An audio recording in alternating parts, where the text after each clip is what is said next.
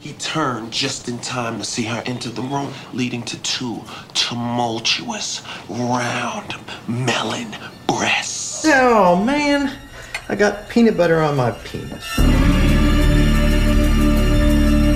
Halloween H2O. Halloween. Hallo en welkom bij Julius versus Jasper, de Schokkend Nieuws podcast, waarbij we elke aflevering weer twee genrefilms bespreken. En daarna besluiten welke van die twee eh, moet verdwijnen, in het geval dat dat zo moet zijn. En dat doe ik, Jasper, niet alleen. Ik heb ook Julius hier. Hallo. Dag Julius. En het is oktober, het is eind oktober, het is Halloween. Dus we gaan het hebben over Halloween. Zo. Zo is het. Dan is dat er maar uit. En ja, het is, het is een strijd waar, waar, waar iedereen op zit te wachten natuurlijk. We gaan nu bepalen wie gaat er winnen. Josh Hartnett of Judy Greer? Ja. Hebben die eh, eh, eh, samen eerder ergens ingezeten? Geen idee. Maar ik- het zijn de twee, twee kinderen van, van Jamie Lee Curtis in deze films. Ja, en nou ja, Judy Greer kennen we natuurlijk van Cursed. En Josh Hartnett kennen we nog van eind jaren 90. Ja, heeft hij al, maar heeft hij ook in een, in een film gezeten die wij ooit besproken hebben? Nee, volgens mij Nou ja. nog niet. Nou, Dacht ik.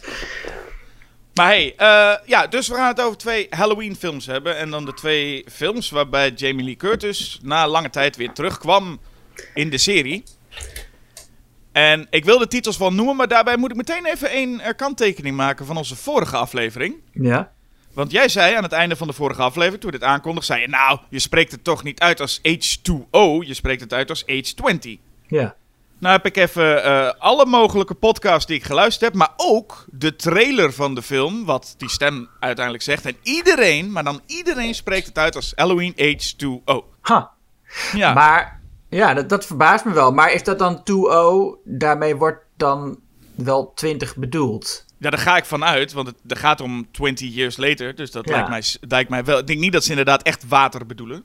Nee, maar dus ook niet. Ja, nou, ik vind het. Nou, oké, oké. Het is vreemd, maar eh, het is wel waar. Ja, maar ja, goed. Dan heb je op dezelfde manier heb je natuurlijk 007. En dat zeg je ook niet. eh, Seven. nou, maar daar staan die nullen aan het begin. Nee, goed. Ik vind het raar. Ik vind het raar om niet age 20 te zeggen. Maar goed, oké. Nee, het is ook een, een, een, een beetje een, eh, een domme titel wel. Ja. Ehm, maar goed, het is niet alsof... Ja, wat is nou eigenlijk een dommere titel? Is het Halloween H2O of is het het vervolg Halloween? Ja. Ja, dat vind ik ook. Maar en, en dat was trouwens met eh, eh, The Thing, was volgens mij de eerste daarin, hè? De, dat was dan de prequel van The Thing, die The Thing heette. Volgens mij was dat het de eerste keer dat een vervolg dezelfde titel als het origineel had. En Ja. The Thing was het eigenlijk, was, volgens mij is dat gewoon stiekem een remake. Want er gebeurt precies hetzelfde. Ja, ik weet niet hoe ver je moet gaan. Ja, het is wel een andere titel trouwens. Want dat is bij, inderdaad, dit zijn de gelijke titels. Maar bijvoorbeeld Aliens was al zo'n film die besloot om een 2 weg te laten. Maar om er iets ander woord van te maken. En je kreeg ook, ik weet niet of het in de, eh, voor The Thing was, maar je had ook The Final Destination. Wat Oh ja. dan deel 4 is. En wat heb je nog meer? Je hebt wel meer van die voorbeelden waarbij eh, in ieder geval het wat onduidelijker wordt. Wat is nou Predators? Schijnt ook een vervolg te zijn, wat niet helemaal duidelijk is. Of het een vervolg is. Ja, en The Predator. Ja, ik, maar ik vind dus wel dat je wel iets moet veranderen bij een vervolg. En dan is inderdaad een S erachter of een the ervoor. Is minimaal, maar dat vind ik dan wel ook het minste. Ja, we hadden eigenlijk The Halloween moeten hebben nu. Of Halloweens. Halloween, ja. Maar het- we hebben het over Halloween 2018. En die twee films, even voor de duidelijkheid, zetten we dus tegenover elkaar. Ehm, ja, 20 jaar later en 40 jaar later. Ja, en wat er in 2038 gaat gebeuren, dat moeten we dan nog zien. Want in Halloween Age 20 of Age 2O ehm, worden alle vorige Halloweens na eh, Halloween 2 geschrapt. En in Halloween 2018 wordt dus alles na deel 1 geschrapt uit de serie. Dus in 2038 zal wel helemaal alles geschrapt worden. En we weer eh, op- opnieuw moeten beginnen met gewoon Laurie Strode als oude dame die nooit iets heeft meegemaakt. Ja, wat we eigenlijk al gehad, want ik bedoel, Halloween 3 was wat dat betreft eh, zijn tijd ver vooruit. Want Halloween 3 schrapte eigenlijk al alles. Ja, En we hebben het, ja, en je hebt het natuurlijk, als je het hebt over een remake, die doet dat hetzelfde natuurlijk. Dus Rob Zombie's Halloween schrapt ook al alles. ja, ja. Maar dat is dan echt een hervertelling. En dat is, dat is, ja, het is, nou ja, zeker als we het over Halloween hebben, het is een bijzondere eh, continuïteit in die serie. Je hebt nu volgens mij vijf continuïteiten al, als je de films gaat kijken. Ja. Zegt een soort choose your own adventure. eh, welke, welke reeks wil je zien? Ja, wil je dat Laurie nu dit gaat doen of, eh, of, of, of dood is? Ja. Ehm, En het, het is ook wel logisch ergens, want hè, we, hebben, eh, we hebben Halloween. We hebben een paar keer over Halloween gehad. We hebben Halloween, de eerste, in een lang ver verleden hebben we dat besproken, de eerste film. En we hebben natuurlijk onze Halloween 2 eh, podcast gehad. Ja, Ehm, maar we hebben het vast ook wel eens gehad over die andere delen. En toen Halloween 6 kwam, en volgens mij ben jij ook niet een groot liefhebber van Halloween 6. nee, dat is mijn minst favoriete. Ja, dus het, en dat geldt voor velen volgens mij. Is het ook wel vrij logisch dat men toen dacht: het is, het is midden jaren 90, wat moeten we nu doen? Slashers zijn dood. En ineens kwam Scream en dat men dacht: hey, we hebben een ideetje. Ja, die Kevin Williamson die kan ook wel weer nieuw leven in Halloween blazen. Ja. En het is nog wel goed om te zeggen, we zeggen nou wel heel sterk dat Halloween. Want Halloween 2018 maakt, maakte er echt een punt van. Dat alle vervolgfilms worden genegeerd. Maar Halloween Age 2 doet dat eigenlijk niet echt. We zeggen wel Halloween 1 en 2 doen nog mee. Maar oorspronkelijk in het script eh, deed Halloween 4 tot en met 6 deden ook nog gewoon mee in de continuïteit. Dat was eigenlijk het idee. En er wordt ook niet heel duidelijk gerefereerd. Ja, je kunt er wel van uitgaan dat die Thorn vloek allemaal niet gebeurd is. Er schijnt een scène in Halloween Age 2 te zitten, of in ieder geval in het script, waarbij Jamie Lee Curtis in de klas staat en hoort van een van haar studenten, die een soort boekverslag heeft gemaakt over de eh Haddonfield-moorden, dat Jamie Lloyd is eh, doodgegaan. En daar hoort ze voor het eerst van, oh, mijn dochter is eigenlijk dood. Ja, Nou, dat, dat, hebben, dat de studio heeft meteen gezegd, nee, nee, nee, nee we gaan het niet meer hebben over eh, eh, 4 tot en met 6, eh, weg ermee. Ja. ja, dat vind ik ook maar beter. Maar wat, en wat, wat in de film wel duidelijk is, is dat, nou ja, volgens mij is het idee dat Michael Myers in dat ziekenhuis in die Vlammenzee aan het einde van Halloween 2 is verdwenen en zijn lichaam is nooit gevonden. Ja, hoewel je, dat, dat wordt niet echt naar gerefereerd, want je vraagt je ook af waarom hij niet blind is, want hij is door zijn ogen geschoten in Halloween 2. Ja, Maar ehm, het is puur het stuk, ze zijn broer en zus. En dat is natuurlijk iets wat uit Halloween 2 komt. ja. Want anders had je net zo goed kunnen zeggen, volgens mij, het is... Het, het- Halloween Age 2 had ook gewoon na Halloween plaats kunnen vinden. Maar het is puur dat broer-zus verhaal wat ik volgens mij denk. Ja, dat is het idee. En ja, wat, iets waar John Carpenter zelf natuurlijk niet tevreden over was en wij ook niet. Nee, het is Toch? geen goed, eh, goed, goed element. En daar komen we zo bij Halloween 2018 ook nog over. Maar er zit nog één element in trouwens. En dat kan ook een toevalding zijn. Maar het zit er nog wel in. Eh ehm, Laurie Strode zegt dat ze haar eh, dood heeft, in scène heeft gezet. Dat ze door een auto-ongeluk zou zijn doodgegaan. Ja. Dat is informatie die we nu krijgen. En die informatie zit ook in Halloween 4. Dus op zich is daar nog een linkje. Ja, en vier hoorden we inderdaad dat ze dan dood is. Maar ik vind toch het idee, dat het wordt wel echt gezegd, Michael Myers heeft 20 jaar niks gedaan. Nee, dat wel inderdaad. Maar het is feit, het, het auto-ongeluk is wel echt uit Halloween Ja. 4 en hier ook overgenomen. Het is niet alsof ze iets anders. Ze zeggen volgens Ja, mij echt dat ze. Dus dat is nog overgenomen. Maar verder mogen we er sterk van uitgaan. Eigenlijk zie je het meteen als je Halloween H2 als het begint. Het begint met Mr. Sandman. En dat is duidelijk van: hey, Halloween 2, bekend om Mr. Sandman dat gebruikt werd. En hier is het derde deel. Vind dat, dat de keuze om met Mr. Sandman te beginnen en ook een personage uit deel 2 terug te halen die we al een tijd niet meer gezien hadden, eh, de, de zuster, Marion. Ja, Daarin zie je wel meteen van, we gaan hierdoor nu. En inderdaad, de vele referenties met Michael Myers heeft 20 jaar. Ja, wat, heeft, wat zal die gedaan hebben 20 jaar lang? ja hij is op zoek geweest naar eh, Laurie Strode, denk ik. Want ehm, het is wel interessant om, om te kijken naar Michael hier. Hij is, hij is echt op een, een soort detective. Hè? Hij gaat echt heel specifiek op zoek. En hij vermoordt ook niet echt mensen die hem. Als je hem in de weg staat op zijn zoektocht of zo, of hij komt je tegen, dan, dan maakt hij je dood. Maar verder is hij helemaal niet geïnteresseerd in mensen vermoorden. Hij wil, hij wil gewoon Laurie Strode hebben. Ja. En hij doet dat door dus nu naar Marion eh, Chambers te gaan, dus die zuster, want die heeft allemaal informatie thuis liggen. Ja, Op zich geen gekke plek om heen te gaan. Misschien had hij dat eerder kunnen bedenken. Ik weet niet of hij daar 20 jaar over moet doen. nou, hij heeft gewoon heel lang gezocht. Hij weet ook niet waar zij woont. Ik bedoel, je, ja, je gaat als Michael Myers toch ook niet zomaar... De- Denk aan welke, wat voor hoeveel mogelijkheden je hebt. Je kan niet praten, je hebt dat masker. Ja, dan kom je niet ver, nee. Ja, of, of hij doet dat allemaal wel in zijn, in zijn normale leven. Dat weet ik niet. Misschien dat hij ook gewoon twintig jaar lang op een kantoor gewerkt heeft. En dat hij toen dacht van, oh, ik had nog die zus waar ik achteraan moest.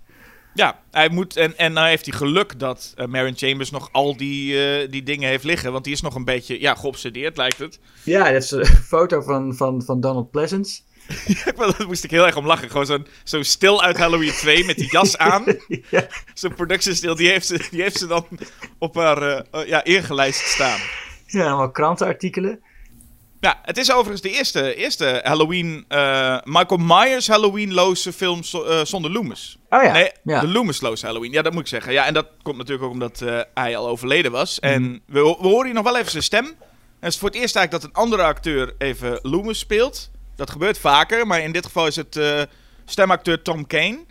Ja. En die doet dat best goed eigenlijk. Want je zou best kunnen denken dat dit gewoon stem is van Loomis uit...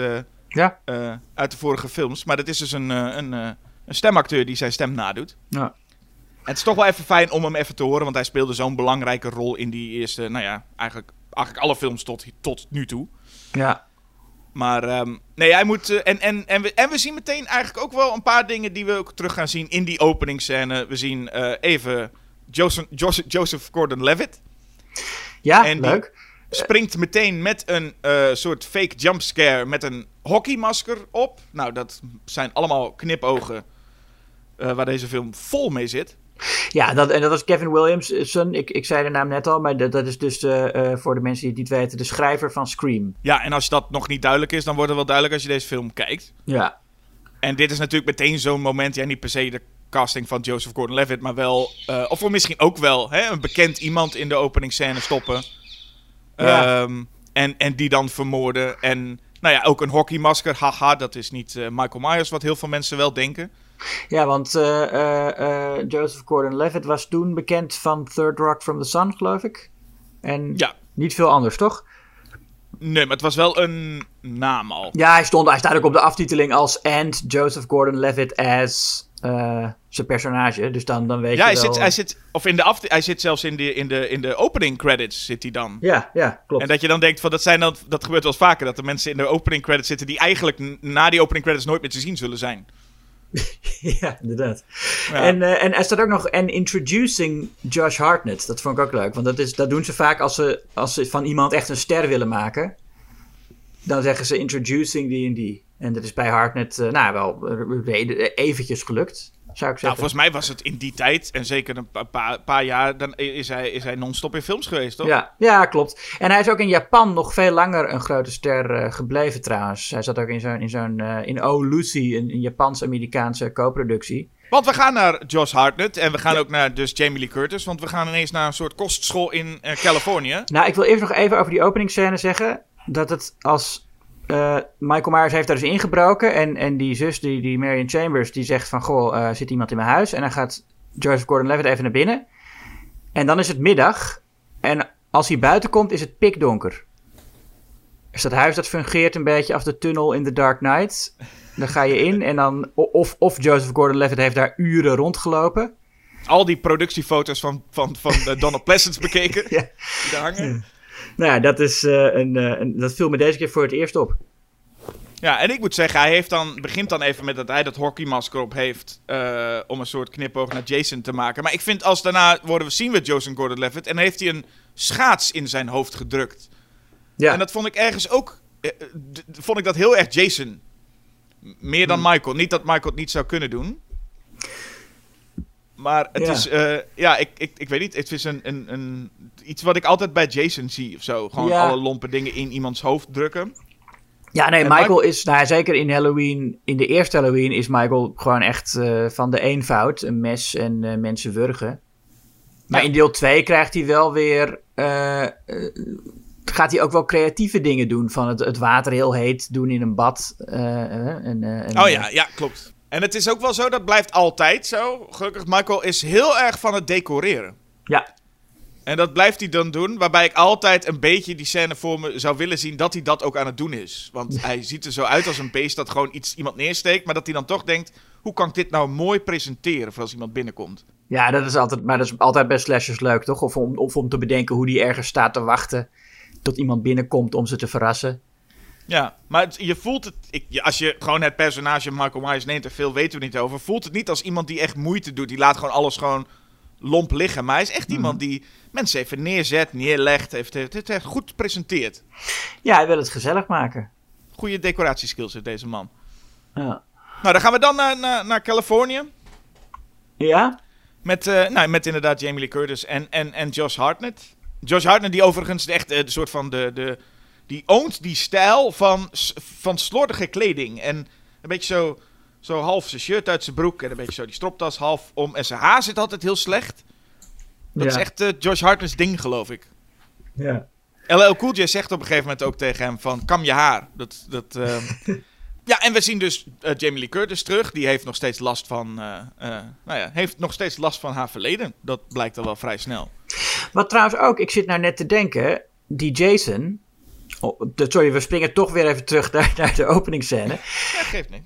Eh, is natuurlijk ook een verwijzing naar het feit dat Steve Miner de film regisseert. Steve Miner, Oh, die ja. immers eh, Friday the 13th 2 en 3 gemaakt heeft en producent was van de eerste. Eh, die hier nu zijn eerste Halloween film maakt. Dus dat is ook een mooie connectie. Nou goed, door naar eindelijk Josh en Jamie, Laurie en haar zoon ehm, John. John. Ja. Werd, werd haar, haar eerste dochter eh, in, in, in 4 en 5 werd nog genoemd, vernoemd naar de actrice Jamie Lee Curtis. Die heette Jamie Lloyd. Ja, En nu, en nu krijg je dus een, eh, eh, een zoon die vernoemd is naar de maker John Carpenter. oh ja, ja, Leuk. ja. Goed, zoon John. En, eh, en, en, en dus Jamie Lee Curtis, die nog steeds last heeft van het, eh, nou ja, haar verleden. Mhm. Ehm, en ja, dan, dan krijgen we nog andere mensen. Ik vind zelf een van de leukste toevoegingen Adam Arkin.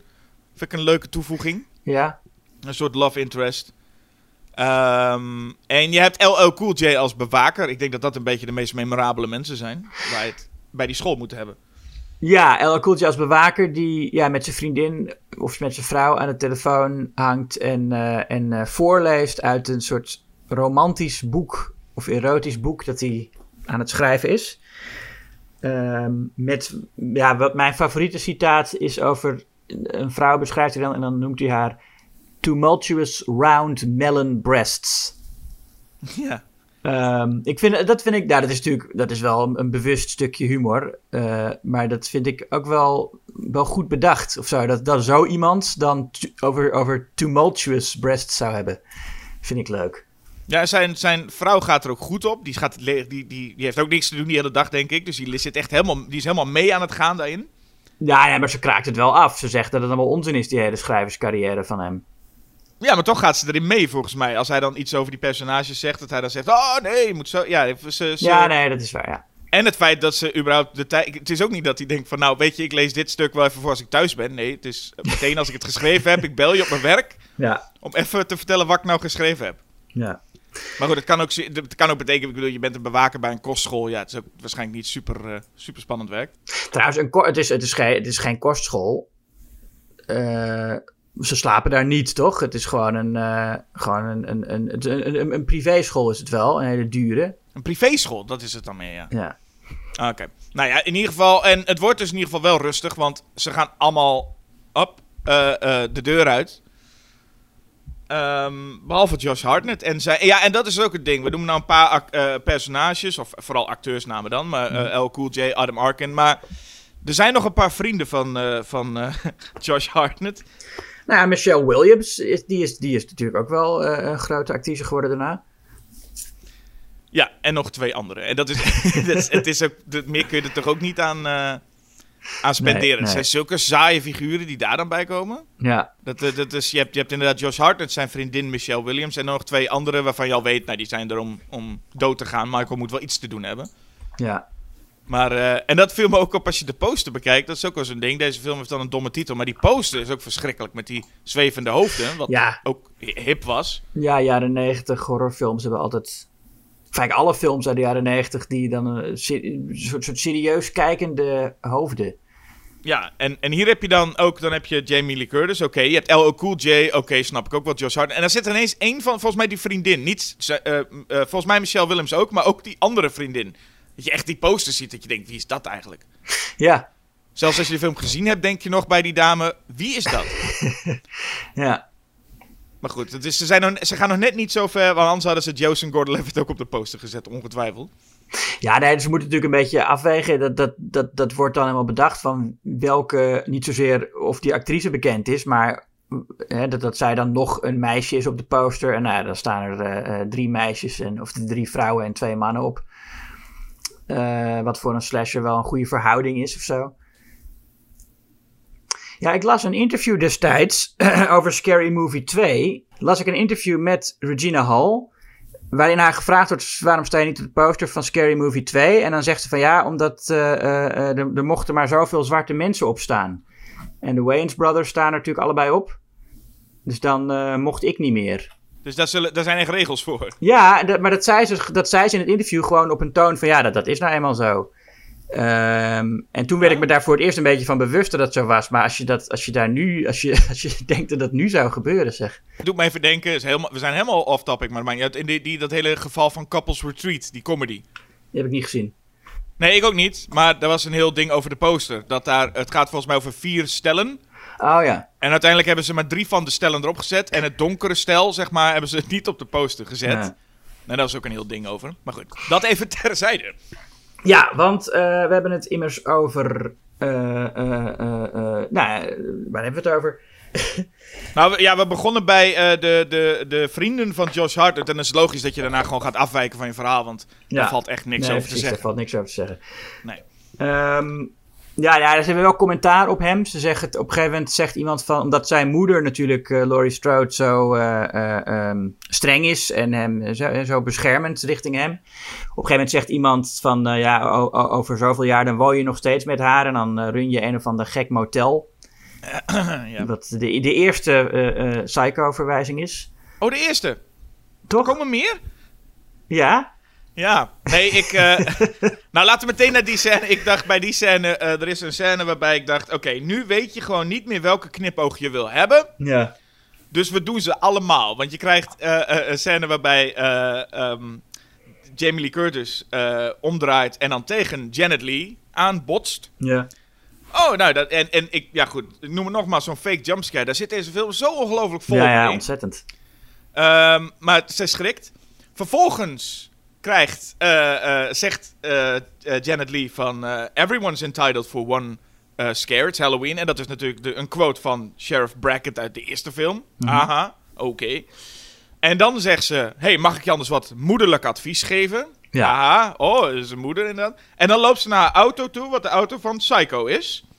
En dan denk je, nou, nu hebben we het wel gehad. Maar dan denkt zelfs de componist, weet je wat ik kan doen? Ik kan ook de theme van Psycho hier nog even aanzetten. Ja. En toen voelde ik wel, oké, nu heb ik echt in één minuut alle mogelijke knipogen en referenties gehoord die er zijn. Ja, en het gaat ook zo kiezen. lang door, hè? Want ze loopt naar die auto toe en dan... Als je niet weet dat het een referentie is, dan denk je, hè? Waarom duurt dit zo lang? Waarom staat ze daar bij die auto en waarom klinkt die muziek zo? Dat, dus het, dat, een goede referentie is niet storend voor mensen die niet weten dat het een referentie is. Ja, terwijl deze hele scène alleen maar gemaakt is om een referentie te maken. Want het is eigenlijk puur van hoe krijgen we nog even een scène met Jamie Lee Curtis en Janet Lee samen. Oh, moeder en dochter Ja. zijn samen. En Ja, oh, als, dan- als zij gewoon alleen maar, als zij alleen maar moederlijk advies had gegeven, zonder daarbij letterlijk te zeggen, if I could be maternal, eh, dan was het leuk geweest. Ja, en natuurlijk is zo'n zo'n zinnetje van eh, eh, Sheriff Brackett met It's Halloween, everyone's entitled for one scare of zoiets. Dat is Ja. ook prima om te doen, maar om dan te denken, hé, hey, we hebben hier nu even een minuut over. Zullen we kijken hoeveel we er in één minuut kunnen proppen?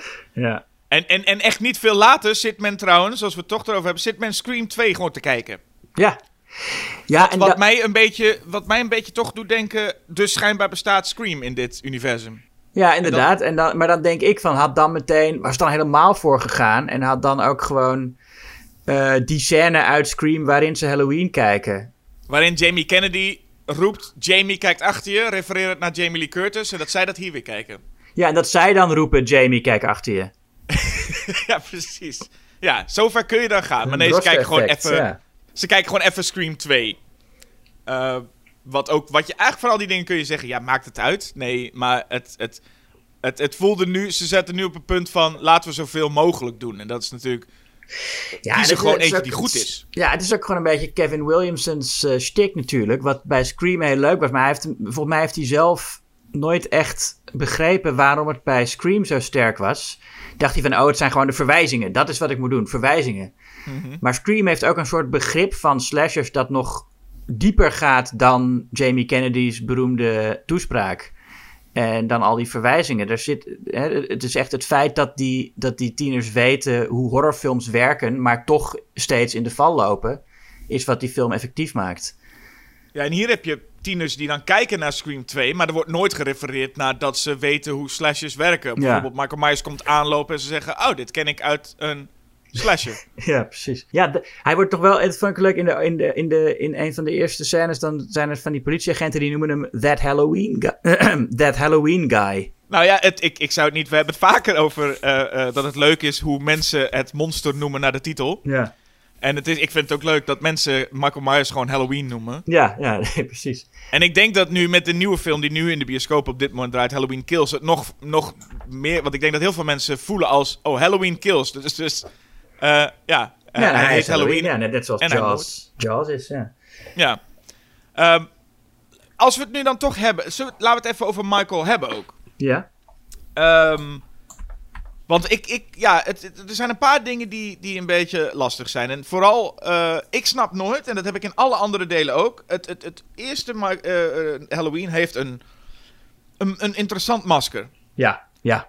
En ik denk dan altijd, oké, dat masker is vrij makkelijk te dupliceren. En toch lukt het men in alle vervolgfilms niet om er gewoon met een goed masker te komen. Ja, ik, ik snap dat ook echt niet inderdaad. Wa- hoe moeilijk is dat nou? Ja, ik weet dat in deel 2 gebruiken ze wel hetzelfde masker als in deel 1. Maar omdat het een paar jaar onder het bed had gelegen bij John Carpenter en Deborah Hill...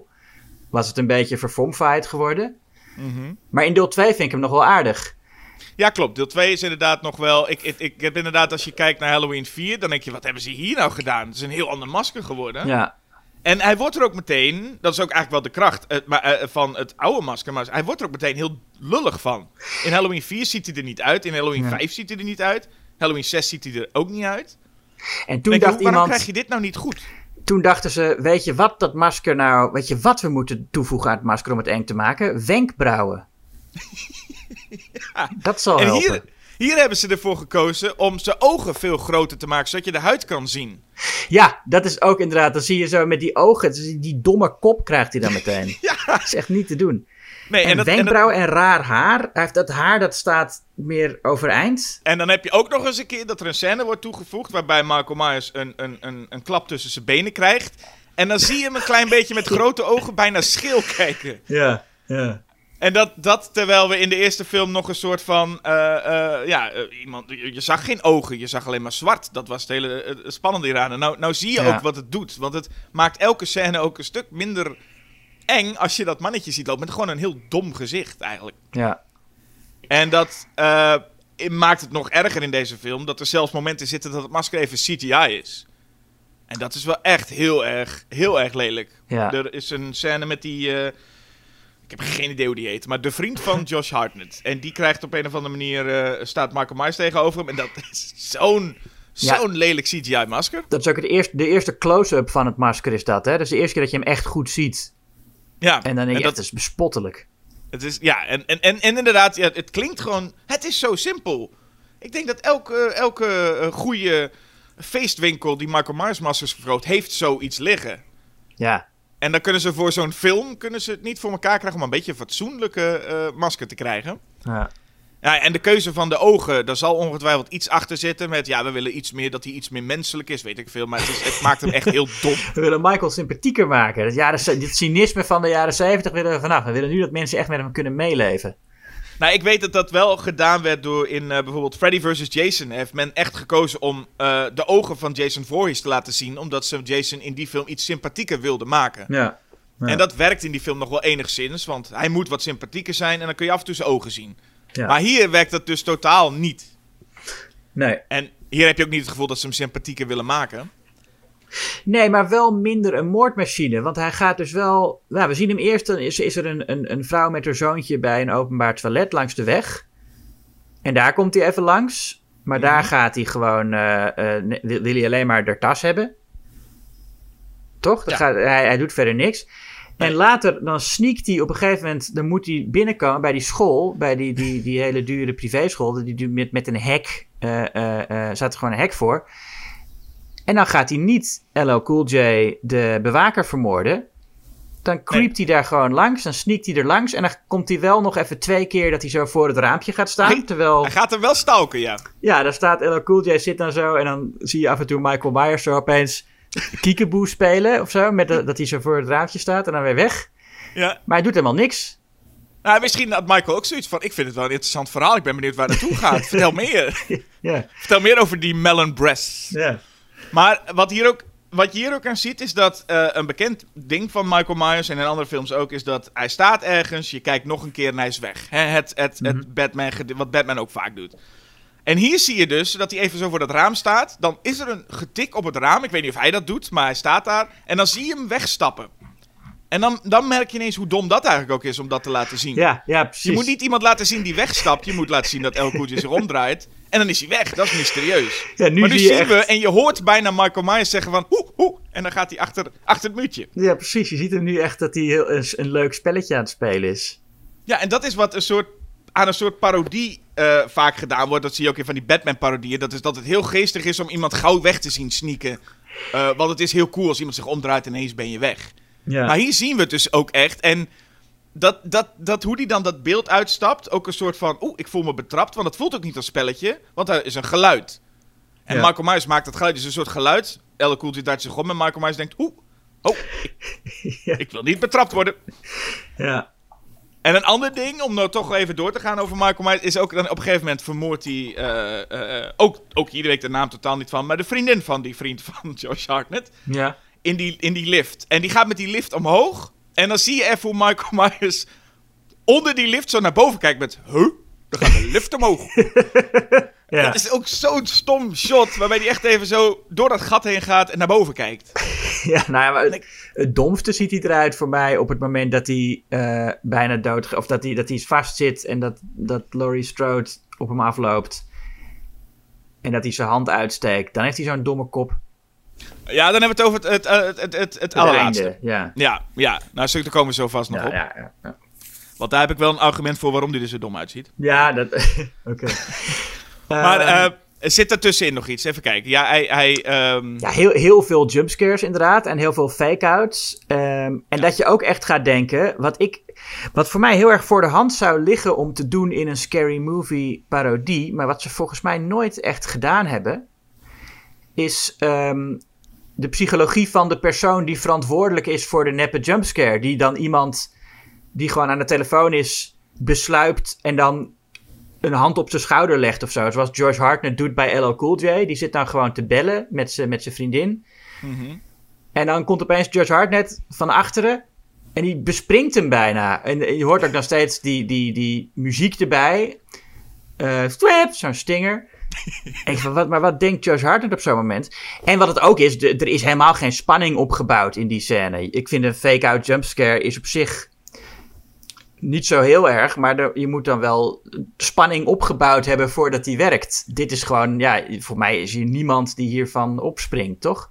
Nee, maar er is ook een groot probleem met deze eh, fake jumpscares. Is dat ik vind, en ik ben een. Ik, ik haat die fake jumpscares. Maar als ze bij Jamie Lee Curtis gebeuren, snap ik ze wel. Want Ja. zij is natuurlijk, omdat het is Halloween en ze is nog steeds angstig. Er is bijvoorbeeld een scène, ook best wel een goede scène overigens, waarin zij in de bar zit met Adam Arkin. Adam Arkin gaat even, even, even pissen, geloof ik. En hij, zij bestelt heel snel een nieuwe, eh, een nieuwe wijn Ja. zodat ze die andere even over achterover kan tikken. En dan knallen ineens kinderen tegen het, tegen het raam. En daar schrikt ze heel erg van. Ja. En dan denk ik, die snap ik. Maar als het maar Ja, bij klopt. Jamie Lee Curtis gebeurt. Want zij is, eh, is on edge. Zij Mhm. schrikt overal van. Maar het gebeurt ook bij LL Cool J. En het gebeurt ook bij Michelle Williams. En dan denk ik, die zijn puur dom. Eh, die zijn gewoon voor het publiek. Ja, maar die, dat denk ik ook die mensen die zouden er overal voor van schrikken. De telefoon gaat. Ah! Ja, precies. En mensen geven ook, eh, doen ook ja, ze bespringen elkaar inderdaad ook. Alleen, het, het, ik vind dan, als je ze al kiest, kies ze dan omdat ze bij Jamie Lee Curtis horen. Maar ja, je Ja. ziet dan al wel dat ze ook bij LL Cool J horen en bij Michelle Williams. Iedereen loopt rond en wordt besprongen of schrikt gewoon van alles, omdat het ineens heel hard klinkt. Ja, dat is, je moet je voorstellen zonder die muziek hoe, de, hoe, hoe, de, hoe, het, hoe die scène dan zou zijn. Ja. Ehm, over dat glas trouwens, het valt me op, Jamie Lee Curtis krijgt wel die ober in, in dat cafeetje. Eh, die heeft het wel door, want die geeft haar een enorm vol glas. Dus die weet wel, oké, ik, ik weet precies wat deze vrouw wil. Nou, hij is, ja, hij is in het begin nog even dus ook een beetje gepikeerd op hem. Zo van, geef me nou gewoon een glas. En dan kijkt hij naar dat glas. Ik vind het wel mooi, gewoon niet te veel uitgesproken. Hij kijkt nog even naar dat glas in de handen en dan denkt... Hé, hey, maar die heb je nog helemaal vol. Ja, en dus dan... dan is, denkt hij van, oh, dat klopt even niet. En dan wordt ze een beetje gepikeerd. En dan geeft hij dat glas, maar dan kan zij die ze in de handen heeft gauw nog even helemaal leeg drinken. En dan heeft Adam Arken niks, uh, niks gezien. Ja, precies. Nee, dat is het idee. Maar die, die ober die geeft dan echt twee of drie glazen in een glas. ja, nou, die hoeft ze gelukkig niet in één keer op te zuipen. Die staat er voor de show. Ja, precies. Maar um, ja, en ik, ik moet zeggen, het is, het is maar een kleinigheid, maar ik vond Adam Arkin dus wel leuk. Het is een, een, een, een leuk figuur die dan, waar Jamie Lee Curtis op een gegeven moment haar, Laurie Strode, haar echte verhaal tegen vertelt. Maar vond ik ook een mooie scène, hoe ze samen aan het uh, zoenen zijn en hij nog een beetje in die lachsfeer zit. Ja. En dan begint zij te vertellen over, ja, dat jongetje stak zijn zus dood. En dan zegt hij, oh, oh ja, oké, nou doe je bloes maar uit. Dus het, That's het, sucky, zegt hij. ja, vind ik wel fijn. En ook sowieso hoe hij met die kinderen praat. Hij is een soort counselor. Uh, die. Uh, dan gaat hij ook bij die kinderen checken van, uh, gaan jullie nog wat doen? Hey, nou, en dan zegt hij iets van, nah, I'm going to have my nipples pierced of zo. Ja, Zo'n leuke, leuke, leuke man die ook, ja, een soort, ik weet niet of het dan een counselor is, dan ook een soort psycholoog of zo. Huispsycholoog van de school. Ik weet eigenlijk niet wat hij doet daar, dat, dat zou ik niet weten. Maar hij, hij maakte wel duidelijk een punt van, of anderen maakten wel een punt van dat hij nogal mensen analyseert. Want de eerste keer dat ze zoenen, zoent hij met Jamie Lee Curtis. En dan zegt hij ook van... Oh, je bent een geweldige vrouw terwijl ze aan het zoenen zijn. En zegt zij... Oh, stop even met mij te analyseren.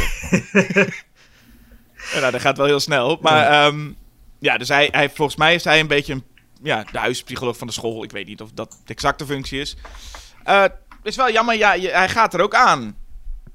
Ja, en, en, en, LL eh, Cool J gaat er ook aan, omdat Adam Arkin hem neerschiet. En ja, LL Cool J gaat dan echt dood, hè? Want die krijgt flink wat kogels in zijn, uh, in zijn mik. Ja, I shot him six times, had Adam Arkin kunnen zeggen. Uh... Dat was nog eens een leuke referentie geweest dan. Nee, die ligt inderdaad in een plas bloed. En uh, Jamie Lee Curtis gaat er ook nog even met haar vingers door dat bloed heen. Dat, dat, ik weet niet waarom, maar dat weten we dat het echt bloed is. Nee, dus die ligt daar morsdood inderdaad te liggen. Ja, en, en ondertussen, want er is dus al die confrontatie tussen Jamie Lee Curtis en, en Michael Myers, daar hebben we het dan over. En uh, Michelle Williams en, en, en, en, en, uh, en Josh Hartnett. Ja, uh, Jamie Lee Curtis weet ook niet hoe snel ze die twee in een kast moeten stoppen. Ja, en die, die verdwijnen dan ook gewoon uit de film tot het einde. Ja, eerst is het in de kast. Dan gaat ze even haar ding doen. Dan haalt ze ze uit de kast om ze meteen in een auto te stoppen en, en rij maar weg. Ja, die krijgen we helemaal niet meer te zien. Ik voel ergens dat het een kleine referentie kan zijn van de eerste film met Tommy en Lindsay. Dat zijn dan twee kleine kinderen die Jamie Lee Curtis eigenlijk ook soort van in de kast stopt en zegt: blijf hier. Maar daar was het nog waarschijnlijk van: hey, jullie zijn kleuters. Dus jullie moeten in de kast blijven. En hier is het volgens mij meer: jullie zijn zo saai en niet zeggend. Ga in die kast zitten en kom er maar uit als, ik, uh, als de film klaar is. Nou, maar zelfs dan niet eens. Maar, nee, maar, maar, Tommy en Lindsay, daar hebben we natuurlijk niet eerst een uur uh, een soort Dawson's Creek-achtig uh, plot meegekeken. Nee, gelukkig niet. Uh, want dat was ook van Kevin Williamson. En ik, ik, ik, ik heb Dawson's Creek nooit ik heb er nooit een aflevering van gezien, maar het was altijd na The Simpsons kwam, kwam het. Mhm. Vroeger. Dus ik, ik zag er wel altijd stukjes van. Um, en dat, die, die serie is een beetje. Of daar, het, het eerste uur van Halloween, uh, Age 20, Age 2 is een beetje hoe ik me voorstel dat Dawson's Creek is. Ja, ik heb ook nog nooit Dawson's Creek gezien, maar ik heb het gevoel dat door dit soort films veel gezien te hebben, dat ik eigenlijk het wel weet hoe het is. Ja. Ik, volgens mij moet je gewoon de horror-elementen eruit halen. En dan, dan, heb je, als je deze films bekijkt, volgens mij heb je dan ook wel een soort Dawson's Creek, toch? Ja, nou, dat is dus ongeveer het eerste uur van uh, deze film. Ja. Zeg maar, als, als je dat ding van, George, van Joseph Gordon-Levitt in de openingsscène eruit haalt... en je snijdt al die Michael Myers-scènes weg... dan heb je nou, ongeveer, laten we zeggen, drie kwartier aan, uh, aan een soort soap... Ja, wat je zegt, nou, je hebt het nou over een uur en drie kwartier. Maar deze film is kort. Ja, het is 85 minuten. Ja, dat is aanzienlijk kort zeg. Ja, maar Michael die, die begint eigenlijk pas vrij laat. Hij heeft wel een, een, een, een soort... Een, een begin doet hij even Joseph Gordon-Levitt... maar daarna houdt hij zich heel lang uh, rustig qua moorden. Um, hij verwijst ook wel naar eigen werk trouwens. Als hij Adam Arkin doodmaakt, is dat uh, Halloween 2. hoe die daar de zuster eh, vermoordt. Oh ja, ja. Tilt hij hem op. Ja, hij heeft wel eens van die dingen waarvan hij denkt, dit ga ik vaker proberen. Ja, wat gewoon nog echt- een keer echt- doen. Was toen zo echt- leuk. dit, dit werkte toen zo goed. En, eh, maar ik vind wel, ik moet wel zeggen, de, de moord op die ene vriendin. Ehm, dus, nou ja, de, de, de, de enige vriendin van eh, George Hartner die eraan gaat, want hij, hij maakt maar twee eh, tieners dood. Eh, na Joseph Gordon-Levitt. Ehm, dat, is wel, dat is wel een van de hardste, denk ik. Omdat zij eerst met haar been tussen die lift komt. En dan, dat is, dan zie je de, de, dat ze met een, met een gebroken been rondkruipt. En dan zet hij zijn voet op haar nek. En begint hij er neer te steken. En je ziet dan niet hoe dat, hoe dat mes in het vlees gaat. Maar het is wel echt, ik vind het wel een van de hardste kills uit de serie tot dat moment. Ja, En het, ik, vind, ik vraag me wel af hoe dat dan zit. Want hij heeft zijn voet heeft hij op haar nek. Maar hij gaat niet heel erg door zijn knieën om er dan neer te steken. Dus ik denk dat hij echt dat mes. Dat, dat- dat- hij, hij blijft heel erg aan de oppervlakte. Met dat mes. Moet wel. ja. Ja, Maar we zijn al lang blij dat hij wat doet, hè? Ook dan. nee, maar het is een goede kill. Laten we eerlijk zijn. Ja, maar iedereen zit dan te wachten op gewoon Jamie Lee Curtis tegen Michael Myers. En op het moment dat Jamie Lee Curtis eh, haar twee, die, of die kinderen wegstuurt eigenlijk. eh, Adam Arkin is dood, Ella Cool J is mors dood. Dus dan, ja, dan pakt ze een bijl en zegt ze, ik ga nu tegen Mike. En volgens mij is dat het moment dat de film eigenlijk een soort van... eh, nou ja, dat iedereen eigenlijk zo, wat men denkt, in het publiek zit te juichen. Misschien is, was dat toen ook wel zo. Zij loopt met die bijl, ze schreeuwt heel hard Michael. Die Halloween-theme klinkt en dan denk je Ja. wel, volgens mij is dit het moment.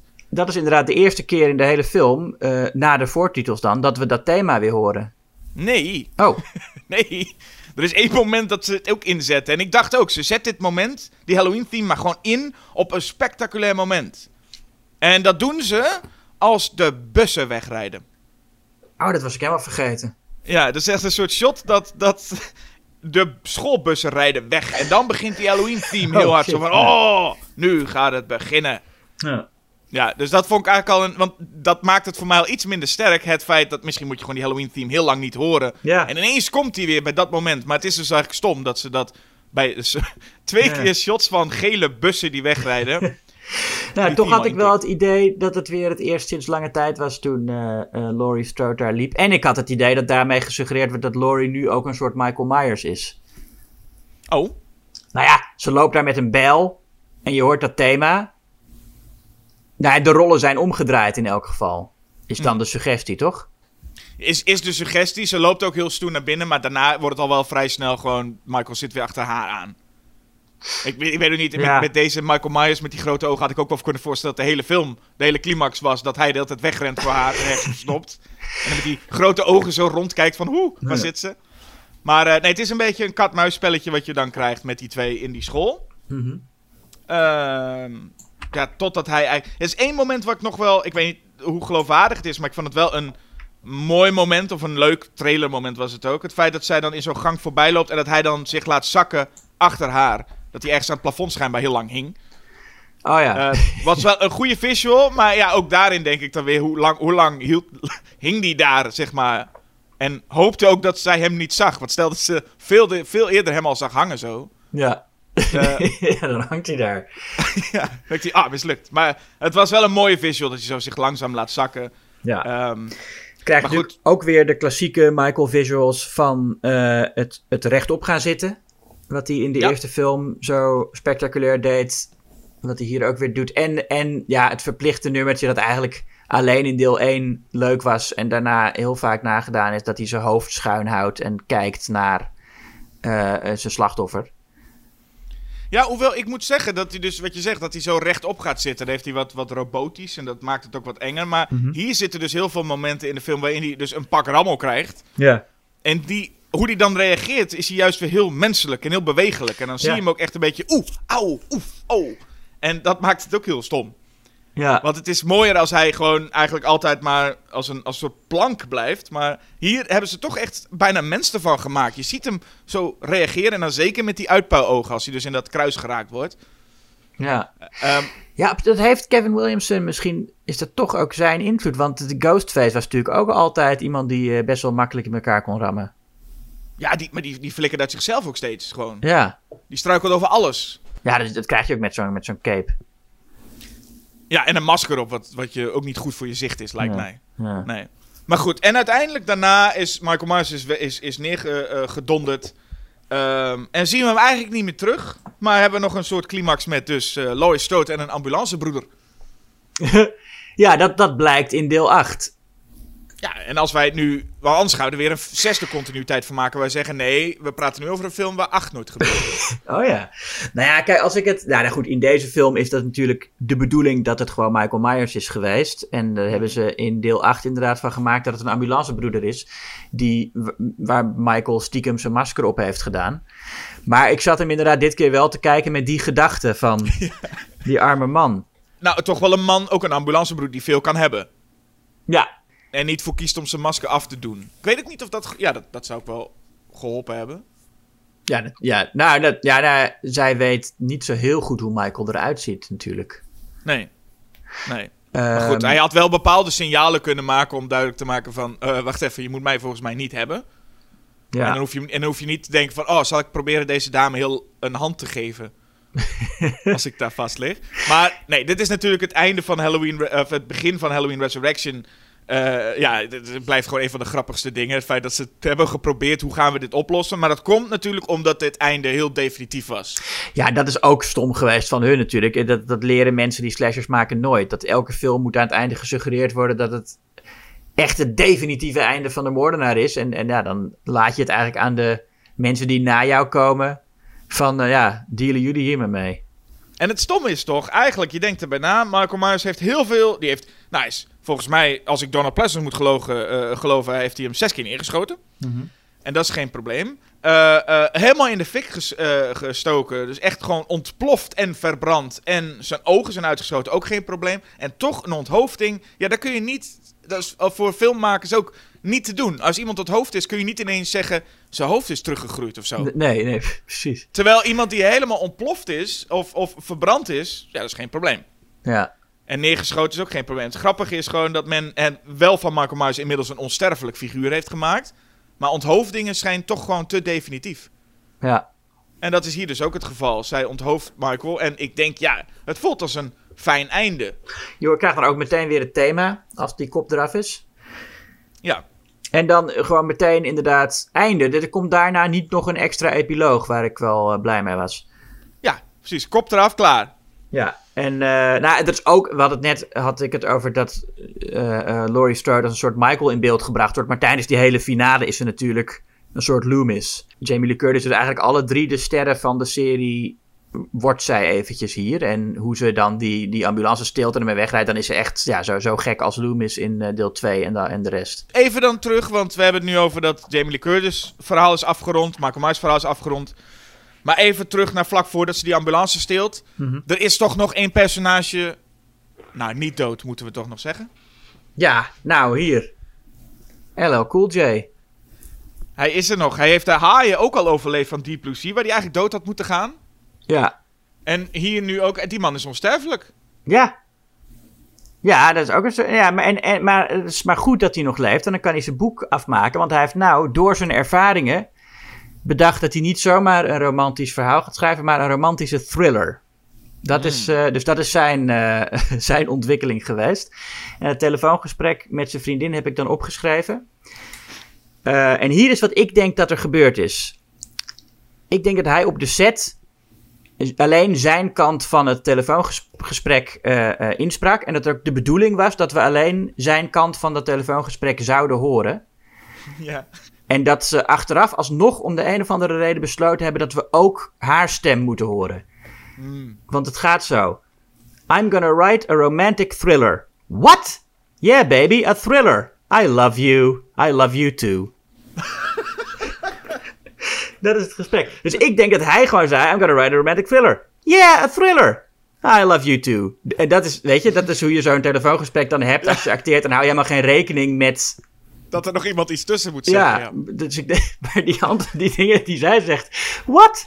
I love you. Ja, dat is wel heel goed, ja. Dat, eh, dat heb ik nooit zo over nagedaan. Maar waarschijnlijk is het inderdaad echt zo. Dat ze gewoon een één kant opgenomen hebben en toen dachten... Oh, we moeten die reacties, die ook nog logisch moeten klinken... Ja. Er nog er tussen nog proppen. Ja, en dan heb je nog het laatste zinnetje. Wat, eh, eh, nou, ik, heb, ik, ik vind het heel leuk om ADR op te merken in films. eh, additional Dialogue Replacement. Dus dingen die achteraf nog opgenomen zijn. En dat is zijn zinnetje. No, I'm fine. The bullet just grazed me. dat zegt hij als hij uit beeld is. Hoor je dat nog even van... Gaan mensen zich niet afvragen hoe het kan dat hij nog leeft? En dan zegt hij, nee, die, die, die kogel die is langs me gegaan. Ik, ik lag wel een tijd lang bewusteloos in een plas bloed. Maar die Ja, maar- kogel die ging gewoon langs me. Die, ging gewoon, Ja. die, die schampte me. Alle zes. Ja. Alle zes. Ja, die Adam Arkin die kan ook voor geen meter schieten. nee. En, en dan denk je, als ze dan, ze moeten dus iets verzinnen. Dus, dus men zit al met het punt, ja, maar hoe, dan denken mensen, hoe kan dat dat El Koetje nog leeft? En dan kies je hiervoor. Kies dan voor ADR met, weet ik veel. Nou, ik ben blij dat ik toch dat eh, kogelvrij vest heb gekocht. maar om dat te zeggen, het kogel, nee, ging net langs mij. ja. Ik bedoel, dat, dat- dit klinkt zo bespottelijk met inderdaad, we moeten nog even een zinnetje toevoegen. Oh, dat is ook wat dat mijn tweelingbroer net op de dag dat hij bij ons kwam kijken dood is geschoten. Dat, dat was nog een betere geweest, inderdaad. Ja. Ja, maar gewoon, dit is, dit, is, dit is zo absurd. Maar ja, goed, dat men Maar dan de, toch de denkt... reden dat hij overleeft is toch ook onder meer omdat ze hem in deel 8 nog wilden gebruiken, of niet? Maar dat is raar, want dat, dat suggereert dat ze een plan hadden voor deel 8. En dan zou je niet zo definitief afrekenen met Michael Myers, denk ik. Of ze wilden hem een spin-off geven. Ja, een soort LL Cool J, een soort eh, adaptation met Nicolas Cage, maar dan met LL Cool J. Ja. ja, nee, maar het, het, het, het feit... Ik, misschien haal ik het in de, door elkaar met Deep Blue Sea, maar het kan ook zijn dat men zijn personage zo leuk en sympathiek Ja. vond en dacht van, oh, eh, we vinden het niet leuk als hij doodgaat. Wat ik een beetje raar vind, want maak juist eens een keertje personages die sympathiek zijn dood in films. Ja, maar goed, het was wel. Het, wa- het was in die tijd natuurlijk wel een dingetje dat eh, veel rappers eh, eh, in, in, in slashers zaten. In, in, in deel 8 had je natuurlijk Buster Rhymes. En sowieso de, de, zwarte, de omarming van de zwarte popcultuur. Je zat ook in Freddy vs. Jason, zat die andere Rowland? van Destiny's Child. Wie? Kelly Rowland? Ja, Kelly Ja. van Destiny's Child.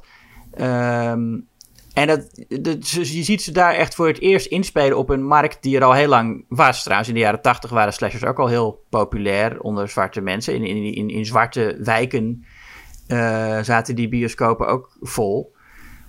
Maar daar zijn ze eigenlijk pas heel laat eh, eh, begonnen rekening mee te houden. Ja, want ik geloof niet dat het zo ver gaat dat men nu. dat het hele cliché, wat niet eens heel erg duidelijk een cliché hoort te zijn, maar met de black guy dies first. Mhm. Dat ze daar nu mee wilden afrekenen. Want dat lijkt me in ieder geval ver. Zo, ik denk echt dat het Ja. iets is, of voor het vervolg. Of voor iets in ieder geval, of dat het gewoon sympathiek was. Of dat El Cool zelf gewoon dacht: nee, ik wil niet dood. En dat ze denken: ja, oké. Dat zou ook nog kunnen dat hij zelf. Ja. Maar goed, ze hebben in ieder geval hun best gedaan, vind ik. Om hem weer, dat het geloofwaardig is dat hij nog leeft. Dat, dat, dat zinnetje heeft veel, eh, ja. Gewoon, ze En hebben het is, dat ze leuk, dat... het, is, het is leuk dat het erin zit, toch? We hebben het er nou veel langer over dan over allemaal andere dingen in de film. Dat is wel waar. En eh, het, ik, het, is, het zit trouwens nog een. Behalve Scream 2. Want het, deze film begint weer met de traditie dat mensen in Halloween naar een andere horrorfilm eh, kijken. In deel 1 was het eh, The Thing from Another World. In deel 2 Night of the Living Dead. In deel 3 was het Halloween. Nou ja. En hier heb je Scream 2 en in het begin, volgens mij, Plan 9 from Outer Space. Oh, Dus wat, wat, wat camp factor betreft, weten ze ook wel waar ze de mosterd halen. Ja, men hoort in ieder geval op zo'n... Om het een Halloween gevoel te geven, hoort men in ieder geval horrorfilms te kijken. Ja. Over horrorfilms gesproken. Wat een goede brug! Ja, dat is ook eh, Halloween 2018. Eh, de, de, de vijfde continuïteit gaan we dus nu maar in. Mhm. Eh, waarbij er wel een tijd gewacht is, want dat was nog niet helemaal duidelijk. Maar er was een tijd was er gewacht op Halloween 3. Er was daar in ieder geval lange tijd sprake van. Of het nou Halloween 3D werd, of toch dat Rob Zombie nog iets ging doen. Volgens mij was dat na Halloween 2 eigenlijk wel klaar met hem. Mhm. Maar ehm, er is een lange tijd gebeurd en nou ja, dat is uiteindelijk niet geworden. En nu is er dus inderdaad in de lijn van de, nou ja, de trend met we gaan een vervolg maken die vorige films negeert. Daar is, niet, daar is hij niet de eerste mee, maar ik denk wel dat de populariteit van Halloween 2018 zorgt dat we dat nog veel meer gaan krijgen. En we hebben dat onlangs gehad met Candyman. Ja. Eh, wat zagen we nog meer? We hebben, we hebben Leprechaun heeft het ook gehad, trouwens. In de beste Leprechaun film tot dusver is een vervolg die... eh, En ik Oh. denk trouwens, ik denk trouwens dat, dat de film die dat misschien nog het meest of ook, ja, waar de populariteit nog meer van is, waar ik ook bij Halloween 2018 steeds aan moest denken, was The Force Awakens. Oh? Wat, dat voelt ook wel een beetje als een soort van, we, we halen dingen terug van vorige delen en negeren ook andere delen. Dat heb ik bij The Force Awakens ook wel. Het is, ik vind Nou ja, Force, Force Awakens is, negeert natuurlijk niet wat er gebeurd is in, in, de, in de rest van de films. Nou, die heeft, ja, volgens mij maken ze wel duidelijk, de prequels z- zijn wel een beetje weggeschoven. Het is van, ze gaan niet heel specifiek op details in uit de prequels, maar we kunnen er wel van uitgaan dat dat allemaal gebeurd is. Ja, ja, maar dat is bij Halloween H2O was dat ook nog wel het geval. Vond ik. Ja, ja, ja, daar- zeker. Ja. We, we, we, refereren er niet aan. Eigenlijk is dat het ook een beetje. Heel vaak, heel veel vervolgfilms zeggen gewoon, we refereren hier maar niet meer aan. Nou, nee, ik, ik, vind, ik vind wel echt dat in, in Halloween H2O alleen deel 2 is gebeurd hoor. Ik vind niet dat die andere delen daar ook nog allemaal bij zitten. Nee, dat, en, dat- en dat kun je zeker bedenken. Alleen, ik denk dat het eh, meer is dat er heel veel vervolgfilms zijn waarbij... Weet ik veel, kijk, een gemiddelde Friday the 13th of een Nightmare on Elm Street... waarbij ook wel eens niet meer wordt gerefereerd naar films die daarvoor zaten. Ja. Maar er is Ja. niemand die zei: Oké, we hebben hier nu Dream Warriors, deel 3 van Nightmare on Elm Street. Maar die negeert echt deel 2. Nee, we hebben het er gewoon nooit meer over. Nee, precies. Ja, en, En- dat is ook. eh, dat is eigenlijk al met de Universal Monsters is dat begonnen. En door de Hammer monsterfilms. eh, was dat natuurlijk ook altijd zo. Dan, dan werd. Ik geloof. eh, De, de laatste Dracula-film van Hammer. Is die, die, die soort kung fu. eh, eh, Legend of the Seven Golden Vampires. Waarin Dracula, ik geloof, aan het begin van de 19e eeuw naar China vertrekt. En pas in het begin van de 20e eeuw ontmoet hij dan Van Helsing voor het eerst. Dus heeft hij al die tijd heeft hij gewoon in China gezeten. Waardoor dus alle vorige delen eigenlijk niet gebeurd kunnen zijn. Want die spelen zich allemaal af in Europa aan het eind van de 19e eeuw. Nou, ik denk dat dat inderdaad heel vaak voorkomt. Dat gewoon vervolgfilms zoiets hebben van: ah, fuck it. En er zijn Ja. best wel wat fans die dol zijn op continuïteit en proberen alles aan elkaar te linken. Er zijn ook heel veel. Dat je als je de Friday the 13th serie hebt, je hebt de makers hebben echt die boeien dan niet zoveel, maar de, de fans proberen allemaal met jaartallen uit te zoeken hoe Ja. het nou zit en waar het nou precies zit. Ja, dat is vaak zo met makers, hè. Die, die, de eh, dat is eigenlijk ook al vanaf het begin van de fancultuur. Ik denk dat de moderne fancultuur een beetje is begonnen bij Sherlock Holmes. Dat was het eerste ding waar echt eh, ook fanfictie van gepubliceerd werd in tijdschriften. Maar Arthur Conan Doyle die gaf helemaal niks om de continuïteit van die verhalen. Eh, dus die fans hebben dat allemaal moeten zitten uitpuzzelen. En die liepen dus ook tegen continuïteitsfouten in die verhalen. Die zo, zo ver gingen als dat bijvoorbeeld de tweede naam van John Watson per verhaal veranderde. Ehm, en hebben ze, en dan hebben, hebben ze manieren gevonden om dat toch te laten kloppen. Terwijl Doyle gewoon dacht, ja, het kan me allemaal niks schelen. Nee, en ik, ik kan het wel eens waarderen hoor, dat er films zijn die... Waarbij, vol- volgens mij is het ook de scenarist van Halloween 6 heeft het ook heel erg geprobeerd om een Ja. filmserie die totaal van geen kant eh, klopt, om dan toch proberen ze aan elkaar te rijgen. Ja. ik toch van kijken of ik het logisch kan krijgen. Ik waardeer die, dat, dat soms wel, maar dat lukt voor geen meter vaak. En Wes Craven is het ook gevraagd om dat te doen na zes Elm Street films. En die zei toen, nee, dit, ik, ik kan hier echt geen chocola van maken. Maar mensen proberen het nog wel eens. En dat heeft dus de schrijver van Halloween 6 destijds ook geprobeerd. Maar heel vaak worden vervolgfilms gewoon, eh, gewoon genegeerd eigenlijk. En is het gewoon van, we hebben het er niet over. En ik denk bij nu een film als Halloween 2018... die schreeuwt het van de daken eigenlijk. Die maakte echt zijn unique selling point van... ik negeer echt alles behalve deel 1. Ja, wordt ook nog echt heel specifiek in de film gezegd van... eh, was het niet eh zijn zus? Nee, dat is onzin. En ik moest laatst denken, als we het hierover hebben. Ik, eh, ik, ik zag laatst een. de Howling. Alle films van De Howling. Dat zijn er ook nogal wat. En daar zit ook een film tussen. die op een of andere manier probeert. al die rare Howling-films. die niks met elkaar te maken hebben. allemaal te verbinden. En dat levert eigenlijk best wel iets grappigs op. Dat je gewoon één film hebt, helemaal aan het einde van de reeks. één film die probeert om kleine personages in, in, in, in andere films. zo van. oh, dat heeft allemaal met elkaar te maken. Daar moest ik even aan denken. Van, wa- van wanneer is die film? Eh, volgens mij is dat de jaren negentig, als Ah, ik het ja. goed heb. Want dat is nu natuurlijk wel... Dat is met, met ehm, Inspector, die ene laatste James Bond film... Ja. gebeurde dat ook een beetje. Want dat, ik denk dat volgens mij toen eh, Casino Royale en Quantum of Solace en Skyfall gemaakt werden... ehm, was dat hele idee dat alles met elkaar verbonden moet zijn in zo'n reeks... was dat nog niet zo. In Inspector hebben ze een beetje terugblikkend toch besloten dat het allemaal deel was van het plan van, eh, eh, eh, ehm, van hoe heet die nou, die ook door Donald Pleasence gespeeld is een keer. Oh ja, die... Blofeld. eh, ja, ja, Blofeld. ja. Ehm, en dat is natuurlijk om. James Bond loopt altijd een beetje achter de trends aan. Dus dat is natuurlijk omdat dat in, in de Marvel-films heel erg was van alles heeft met elkaar te maken. En het is allemaal één groot overkoepelend verhaal. Dat, willen ze, dat wilden ze toen met Bond ook gaan doen. Ja. Maar daar was de Howling dus eigenlijk nog een voorloper van Marvel. Ja, eigenlijk wel. In 1995 was het inderdaad een film die, die probeert. En dat is echt, want The Howling is een beetje zoals, nou, wat heb je, de zombie-reeks en zo. Allemaal films die, gewoon willekeurige films, die niks met elkaar te maken hebben. Ik bedoel, ga het nu maar eens doen voor Hellraiser, ik noem maar wat. Je hebt allemaal van die films die echt niet eens Hellraiser zijn, maar gewoon de titel kregen. En dan gaat er dan iemand proberen, hoe kan ik al die negen films, dat het allemaal wel één verhaal is. Ja. Nou, dat zou dus kunnen dat er nu een scenarist is die zegt: Oké, voor Halloween ga ik dat proberen. En dan moet je dus de Thorn-vloek. En dat die onthoofd is, een ambulancebroeder onthoofd is. En ook Halloween 3 misschien wel. En Rob Zombie. Al- Allemaal ga ik dat proberen in één film, dat het allemaal in één universum past. Ja. Nou, dan kom je al snel op iets van Marvel met multiverses en wat, dat soort gelul. Maar dat hebben we nu dus niet. We hebben nu één film die zegt: hey, alleen Halloween was er. En nu Ja. is er eh, Halloween 2, maar we noemen het Halloween. En ja, dat is, ik bedoel, het is stom. Maar de titel, het is wel gewoon te begrijpen vanuit studio. eh, ja, gedachtegang. ja. Want ja, je gaat mensen gaan. En dat is ook gebleken trouwens. Dus ik bedoel, de- deze film heeft het enorm goed gedaan. Ja. Dus heel veel mensen gaan naar Halloween. Gewoon, oh, ik heb, ik ben- eh, als je Halloween 2 in de bioscoop brengt, ja, dan zeggen mensen, oh, ik heb de eerste niet gezien. ja, precies. En ik denk dat bij deze film, en dat geldt eigenlijk ook wel voor Candyman, die laatst in de bioscoop was, ik denk wel echt dat je die films daarvoor wel gezien moet hebben. Dat wordt wel heel duidelijk. Dus ik denk, ja, ze sturen wel publiek naar de bioscoop met, zelfs als je de eerste film niet gezien hebt, kun je deze zien. Maar eigenlijk is dat niet zo, want deze- dit is wel echt duidelijk een vervolg.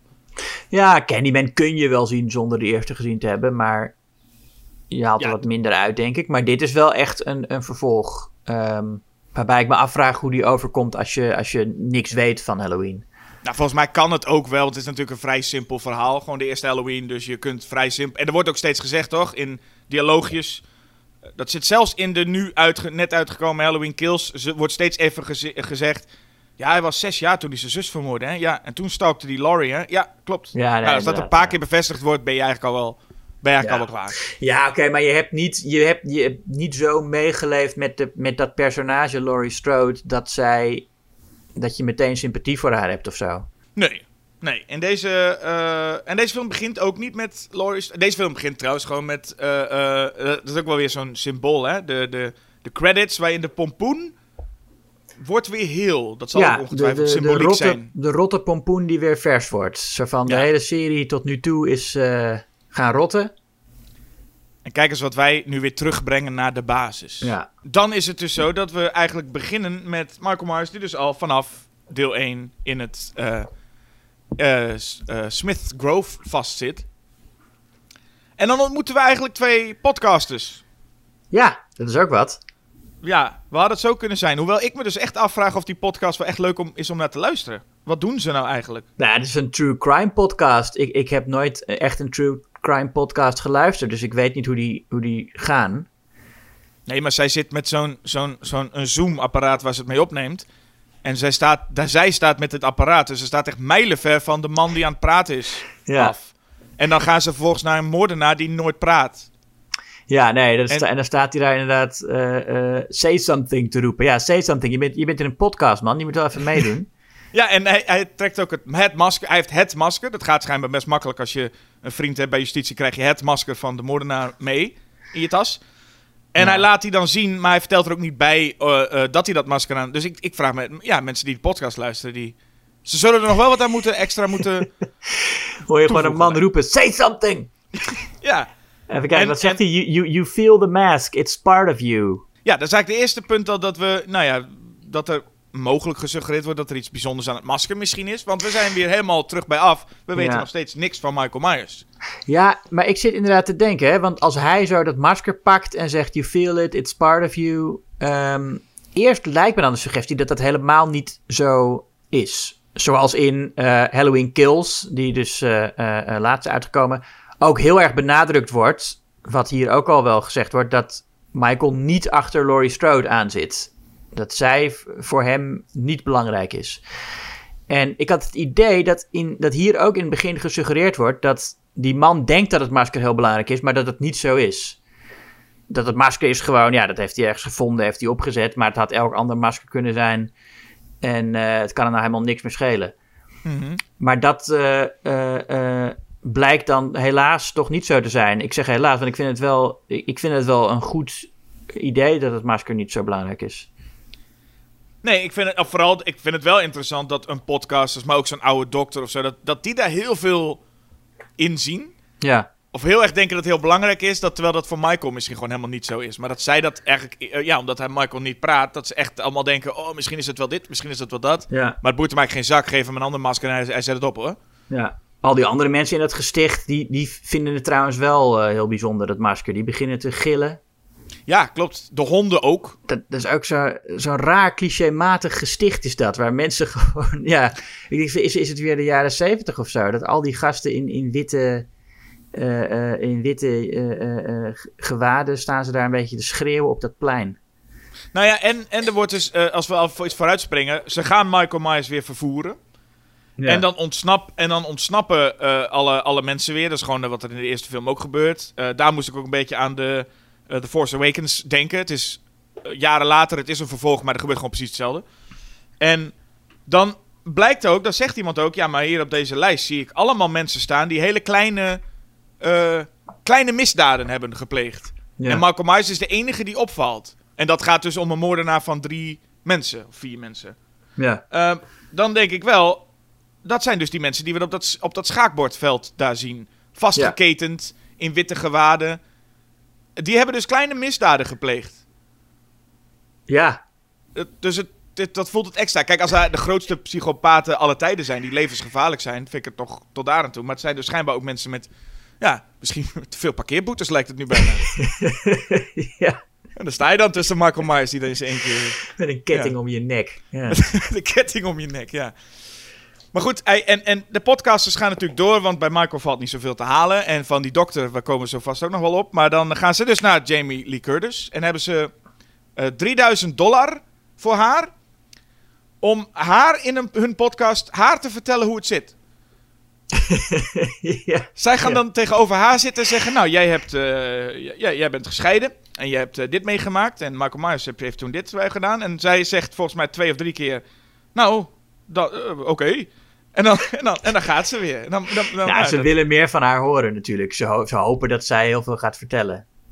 ja, stel dan ook een vraag, zou ik zeggen. Ja. Nee, dat doen ze aan het einde. Dat doen ze, maar dan wil ze Ja, ze doen het einde, maar ze gaan eerst, eerst gewoon vooral tegen haar praten. Dan Ja. vertelt ze, vertellen ze hoe, hoe, het, hoe het nog zit. Maar goed, sure.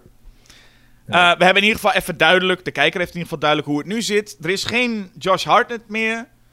Er is ook nooit een Jamie Lloyd geweest, maar ze heeft gewoon nu een dochter en ook zelfs een kleindochter. Ja, Dus dan hebben we de drie generaties Strodes, waar we nu eh, ons op gaan focussen. Ja, eh, ja, Judy Greer, we noemden het net al even als Karen. En eh, Andy Matichak als Allison. Ja, En, en, en, en haar vader, The Wiz, Toby Huss. ja, moet ik meteen, wou ik ook meteen even zeggen dat ik Tobias, ik vind Tobias leuk. ja, ik ook. En ik, ik maak meteen even een, een, een eh, reclame, of reclame maakt niet uit, maar voor, eh, voor een film die nog, volgens mij nog in de bioscoop is, misschien niet, Cop Shop. Ja. Die kan ik iedereen wel aanraden. Het is niet een geweldige film, maar Toby Huss speelt echt een ontzettend leuke rol. Ja. En ik wou toch even hier, ik wou even zeggen dat ik Toby Huss wel leuk vind, want dat komt vooral omdat in deze film lijkt echt niemand het te boeien dat die vent doodgaat. ja, dat viel Dus ik denk, dan zeg op. ik het maar even dat ik hem leuk vind, want niemand boeit het iets. Ja, ja. Dan gaat je vader dood, maar er is echt geen. Nou ja, en dat, dat, nou ja, ik wil niet te veel spoilen voor Halloween Kills natuurlijk. Maar dat maakt ze wel een beetje goed. Ik heb het idee dat ze het ook gehoord hebben of zelf gemerkt hebben van. Ja, niemand refereert daarna. Maar ja. ja, Toby Haas, de vader, gaat, gaat dood. Ja, er wordt, er, wordt geen, er wordt geen woord over, ge, over gerept. Dus dan Nee. hebben we het bij deze maar even over Toby Haas gehad. Ja. Ehm, dat ik net The Wiz zei trouwens, dat is niet eh, een verwijzing naar de, naar de musical van eh Sidney Lumet, maar dat is, de, dat is het personage dat hij in Seinfeld in één aflevering speelde. Ja.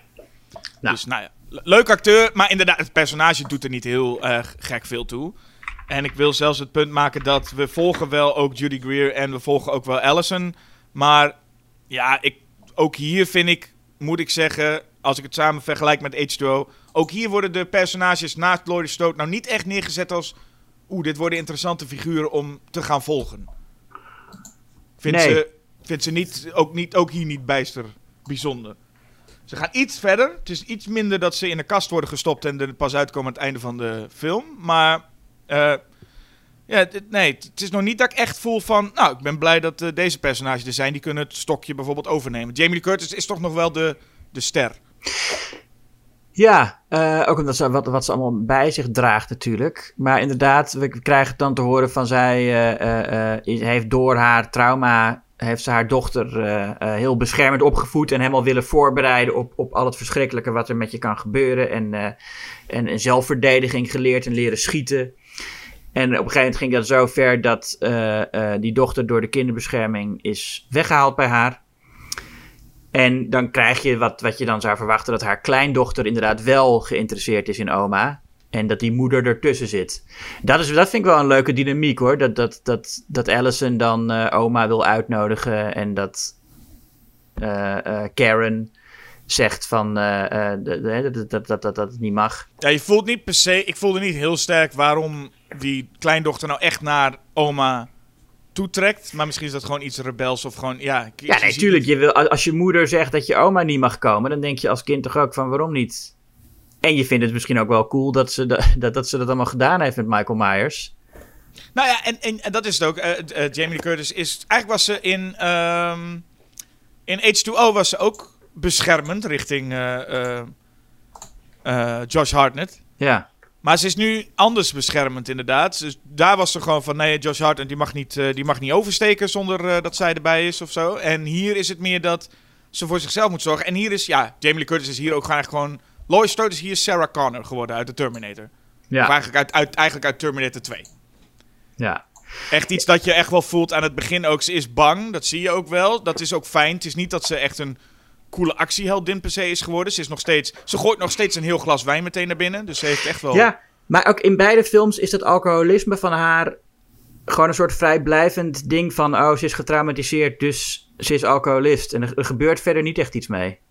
Nee, het wordt ook niet heel erg benaderd. Het is vooral gewoon een, een glas wijn wordt het aan... eh, dat is de scène waarin het blijkt dat alcohol is, maar verder niet. Het is niet alsof Ja. ze de hele tijd alleen maar aan het zuipen is. Maar zij is in ieder geval nog wel angstig. Maar je weet wel, al je voelt wel al meteen... Oh, als Michael Myers nu terugkeert, dan krijgt hij het wel zwaar. Dat had je in H2O nog niet. Dat is pas als ze dan een keer en tegen het einde van de film met die bel eh, gaat, denk je... Oh, nu gaat ze terugvechten. Hier Ja. voel je al...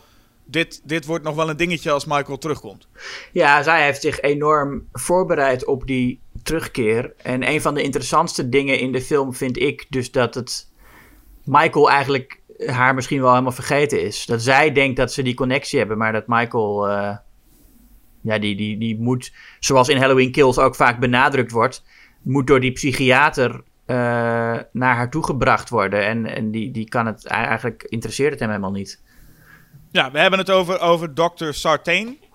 Ja, En dat is eh, zoals... het is eigenlijk de nieuwe Loomis. En dat, dat, dat zegt Lois Dood ook. Ah, so you're the new Loomis. ja. En die dokter krijgt... Ja, het is, het is niet het sterkste stuk van de film. En dat blijkt ook wel. Dat deze film is vooral... Zijn rol is inderdaad vooral om te zorgen dat Michael op een of andere manier bij Laurie Strode komt. Want anders was dat inderdaad niet gebeurd. Michael Myers ontsnapt wel. Pakt zijn masker wel weer. Heeft alweer een nieuw eh, automonteurs eh, overalletje gevonden. ja. Maar is niet per se van plan om nu zo snel mogelijk eh Laurie Strode op te sporen. Nee. Hij- gaat gewoon door, eh, eh, door Haddonfield eh, en gaat hij gewoon een beetje aan het moorden. En Sartain is degene die, nou ja, iets, iets met dat ook meer achter dat masker. Hij, hij, en sowieso vond ik het wel grappig dat hij, als er paniek is, dan roept hij ineens heel hard: I'm a doctor, lock your doors. Ja, ja. Maar ja, hij, hij, hij is daar een beetje aan het rondlopen en wil op een of andere manier ehm, ja, iets weten over Michael en de mysterie. En dan zet hij ook dat masker op. Zo'n dom, zo'n dom stuk vind ik dat. Ja, dat hij aan het einde, dan spring je vooruit dat hij, dat, dat hij al iemand vermoord heeft. Ja, ik was al bezig met. Misschien moeten Ja. we even een stukje terug. Nou, maar nee, ik, dat was, is goed hoor. maar- ik was al bezig met dat die dokter. eh, eh, dat ik gewoon een dom personage vind. Maar nee, je hebt Ja. inderdaad te maken met. De dokter zorgt ervoor dat hij naar Laurie toe moet.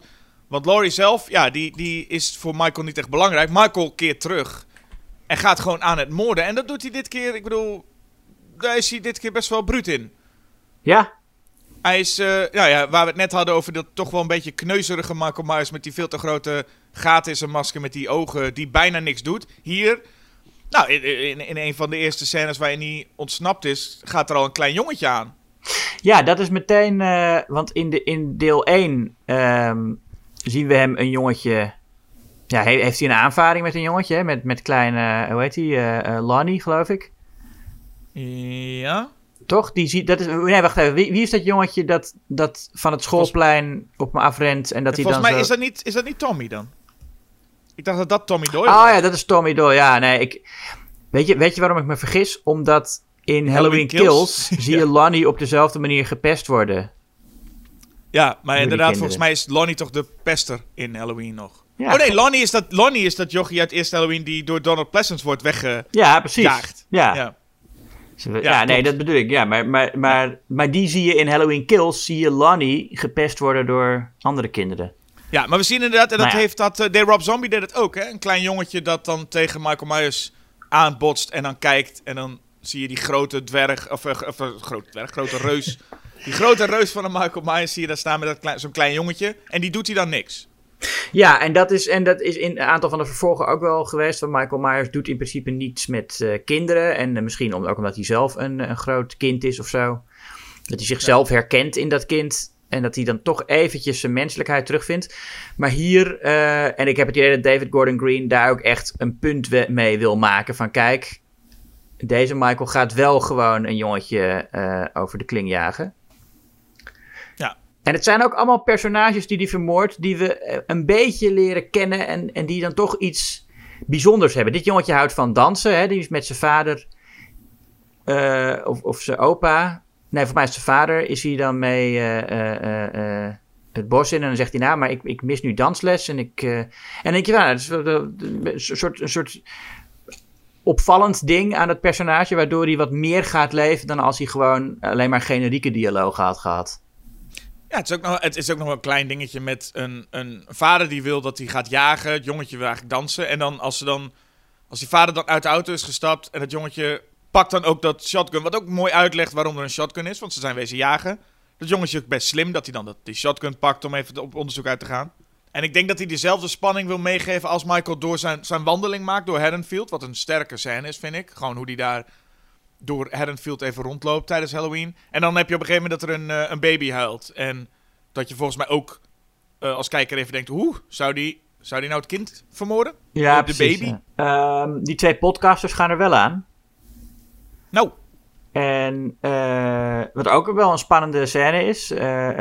ja, dit is dan dit is ook, dit is ook op een openbaar toilet. Dus waar Michael in, in H2O nog gewoon eh, op, die mensen op dat toilet met rust liet. Gaat hij hier eh, echt eh, tegen ze tekeer. ja, en Rob, Rob Zombie deed ook al, hè. In, ook een openbaar toilet was het Ken Foree die zat te schijten. Oh ja, ja. Die ging er ook aan, ja. Ja. ja. En deze, Ehm, Michael, deze Michael heeft ook iets meer weg van de, de, de Rob Zombie Michael Myers, merk ik. Want Ja. deze is, hij is echt wel een stuk lomper. En hij heeft ook een, nou, dat hij bij dat kleine kind, dat jongetje ook doet, maar hier ook, hij slaat nogal graag hoofden tegen muren. Ja, hij is bruut. Inderdaad, als, als je geen mes hebt, is dat wel de manier om het te doen. Maar hij is inderdaad veel bruter dan eh, de Michael in, eh, in de eerste film. Ja. Ehm, die podcasters trouwens, wat je ook hoort aan een podcast, is dat zij Halloween gezien hebben. De eerste film. Want zij weten precies wat er gebeurd is toen hij zijn zus vermoordde. As she sat curling her hair en raising her hands in self-defense. En, dan, en ze zat haar haar te kammen en dan sluipt Michael binnen. En dat merkt ze eerst niet. En dan begint hij er te steken en dan doet ze de handen omhoog. Dan hebben ze allemaal, weten ze, hebben ze gewoon die scène zitten kijken. Ja, dat weten ze van, eigenlijk de enige die erbij was, was iemand die niet praat. Ja.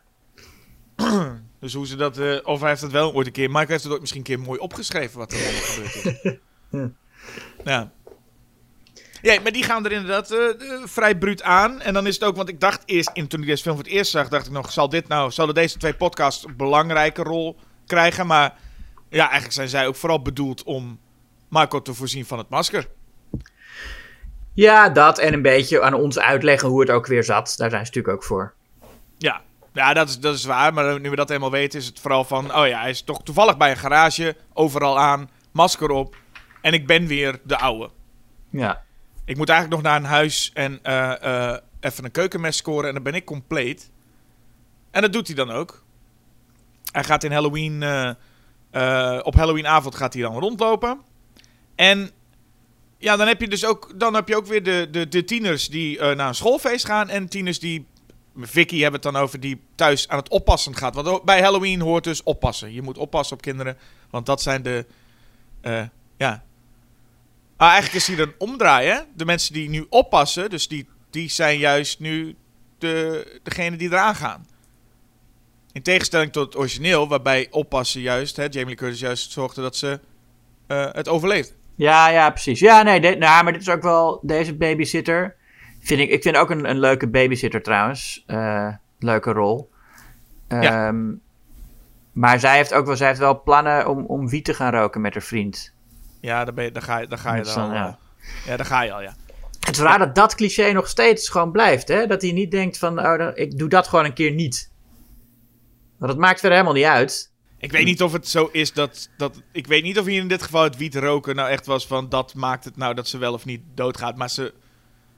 Ja, Nou ja, het- hij, hij, hij stopt het er wel in. Dat die babysitter zegt van eh, met, met een vriendje wiet roken als het kind in bed ligt. Ja, Ja, ik weet ja. niet waarom hij dat nou belangrijk vindt om dan toe te voegen. zal ook een knipoog zijn, want die, deze film zit vol met knipogen. Het, Ja. zit een, het, het, het grote verschil is misschien dat Allison niet het wiet eh, af, afslaat of zo.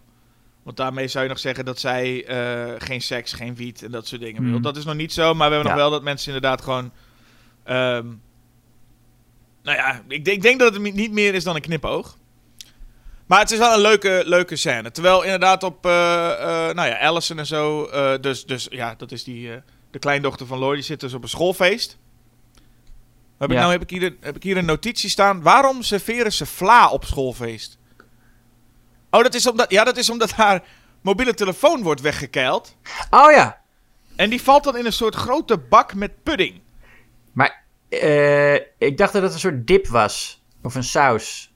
En volgens mij, nee, nee, volgens mij niet. Het is echt een enorme kom met, volgens mij, ik, het, volgens mij is het, ik, volgens mij is het vla. het lijkt me raar als het vla is. Maar Ja, inderdaad, raar ik- zijn. ik Volgens mij heb- is het vla. Ik, ik heb dat toen niet als bijzonder opgemerkt, maar ik zie het nu wel voor me, die bak waar die telefoon in valt. Ja, ik, ik weet niet, is dat ook iets Amerikaans of zo? Dat ze dat... Amerikanen doen rare dingen op schoolfeest, hoor. Ja, maar daar had ik nog nooit vla bij achtergezocht ook. Nee. Maar in ieder geval, het is wel duidelijk dat als je... te- want dat is ook... Hè, eh, kijk, we weten allemaal dat vla is kryptonite voor je telefoon. Als je telefoon in een bak vla valt, ook als gaat hij nog af, hij is gewoon... Je hoeft hem niet meer te pakken. Die is gewoon klaar, die is gewoon stuk. Ja. En dat is fijn, want dan hebben we met Allison meteen een reden van... Want dat is natuurlijk iets waar alle huidige slashes gewoon aan vastzitten. Al heel wat jaren natuurlijk. Hoe krijgen we die verdorie die mo- mobiele telefoon weg? ja. En hier is het wel heel obvious. Die vriend zegt ook nog even... Jij altijd met je telefoon. Dat hebben we nog nooit gezien, dat ze nou heel veel met de telefoon zat. Maar goed, hij gooit het in de vla en weg telefoon. En dan, nou ja, dan kan de rest van de film plaatsvinden schijnbaar. ja. Maar eh, ja, en, en eh, Vicky is ondertussen dus thuis en die krijgt Michael op bezoek. En dat is echt wel een mooie, goede, spannende scène, vind ik. Het is jammer dat hij in de trailer al zat, maar het feit dat Michael dus een tijdje in die, in die kledingkast zat, gestopt, verstopt zat.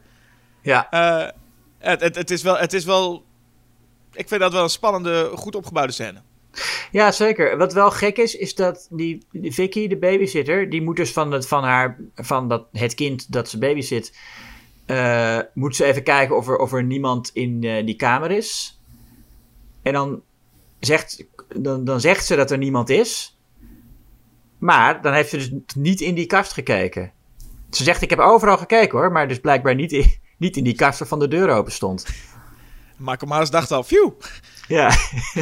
kom ik even mooi mee weg. Nou ja, goed, dat maakt verder niet uit. Nee, het is inderdaad een heel sterk moment dat ze dan de, de, de, de, de kastdeur dicht probeert te doen en dat Michael er, dat het niet lukt en dat Michael erachter staat. En eh, omdat zij en dat jongetje ook neergezet worden met een soort gezellige eh, babysitter dynamiek en, eh, en dat, dat je echt sympathie voor haar krijgt, dat het ook echt wel meer pijn doet dat zij doodgaat dan, dan bij de gemiddelde tiener. Ja, ik vond die dynamiek ook nog wel leuk. Het is een, een, een- het is- een vleugje, vleugje luchtigheid Mhm. die ik wel kan hebben bij als dat kleine jongetje ook iets, iets engs hoort en dat hij dan eh, dat het meisje zegt ik ga wel kijken en dat hij dan zegt nou eh, stuur Dave eerst. Dat, ik- dat vind ik nog wel leuke kleine eh, grapjes. Ehm, en dat, dat deze film heeft, los van die scène, heeft best wel wat van die best wel leuke, leuke conceptjes. Ik vind namelijk, of ze altijd even goed of even sterk zijn, maar bijvoorbeeld er is ook een scène met die bewegingssensor buiten. Met zo'n bewegingssensor dat licht aan en uit gaat. ja. Ik vind dat gewoon wel eh, eh, interessante concepten waar je iets mee kan doen. Doen ze ook wel leuke dingen mee. Of het nou heel uniek is, weet ik niet. Maar ik vind dat het wel fijn dat deze film af en toe wat... Nou ja, Ja, dat is met, de met de wat, eh, ja, de comic relief vriend of zo. Die Ja. Eh, eh, dan inderdaad op zo'n grasveld staat en die, met die bewegingssensor. Ik weet niet of dat nou helemaal klopt. Want die gaat soms, blijft hij heel lang aan en soms gaat hij meteen weer uit. Maar goed, dat... eh, En ze bewegen best veel en dan gaat Ja. hij wel uit. En dat, ja, dat klopt inderdaad eigenlijk van geen kant. Of hij is gewoon defect, zou ik zeggen. Ik zou een nieuwe kopen. ja, Maar ja. het principe is, vind ik wel fijn. Dat zijn gewoon de set pieces die ze eigenlijk neerzetten, vind ik wel, vind ik wel fijn. Wat we ook krijgen. ehm, dit is eigenlijk de eerste film volgens mij die echt iets nieuws toevoegt aan het eh, bekende thema. Ja, het is natuurlijk het briljante thema van John Carpenter. Ehm, hier wordt daar ook een soort een, een, een geluidje bij. Ja, Ehm, ik geloof dat, dat ja, John Carpenter heeft nu met zijn zoon Cody en met Daniel Davis voor de muziek getekend. En ik vind dat geluid wel echt een sterke toevoeging. Je hoort het volgens mij voor het eerst als Allison voor het eerst oog in oog staat met Michael. Ja, het is ook de, als je de soundtrack hebt, is het ook de track die heet eh, Michael Attacks of The Shape Attacks Allison. Dus daar zit het Nou ja, inderdaad in. Daar Ja, komt klopt. het. En het voelt meteen heel vertrouwd of zo. Het, het doet ook een beetje denken aan de Inception Braap, maar ik vind hem wel, ik vind hem wel sterker en ik vind hem ook wel goed werken. Ja, nee, ben ik helemaal mee eens. Dat viel me inderdaad ook op. Goede muziek, lekkere soundtrack is het ook met eh, terugkerende elementen, maar eh, ja, ook wel wat nieuws. Het is niet alsof John Carpenter gewoon zijn oude soundtrack opnieuw heeft ingespeeld en klaar. Dus er er worden gelukkig dingen toegevoegd. Ja. Ja. Maar goed, een minder stuk vind ik dus, is die Dr. Sartain.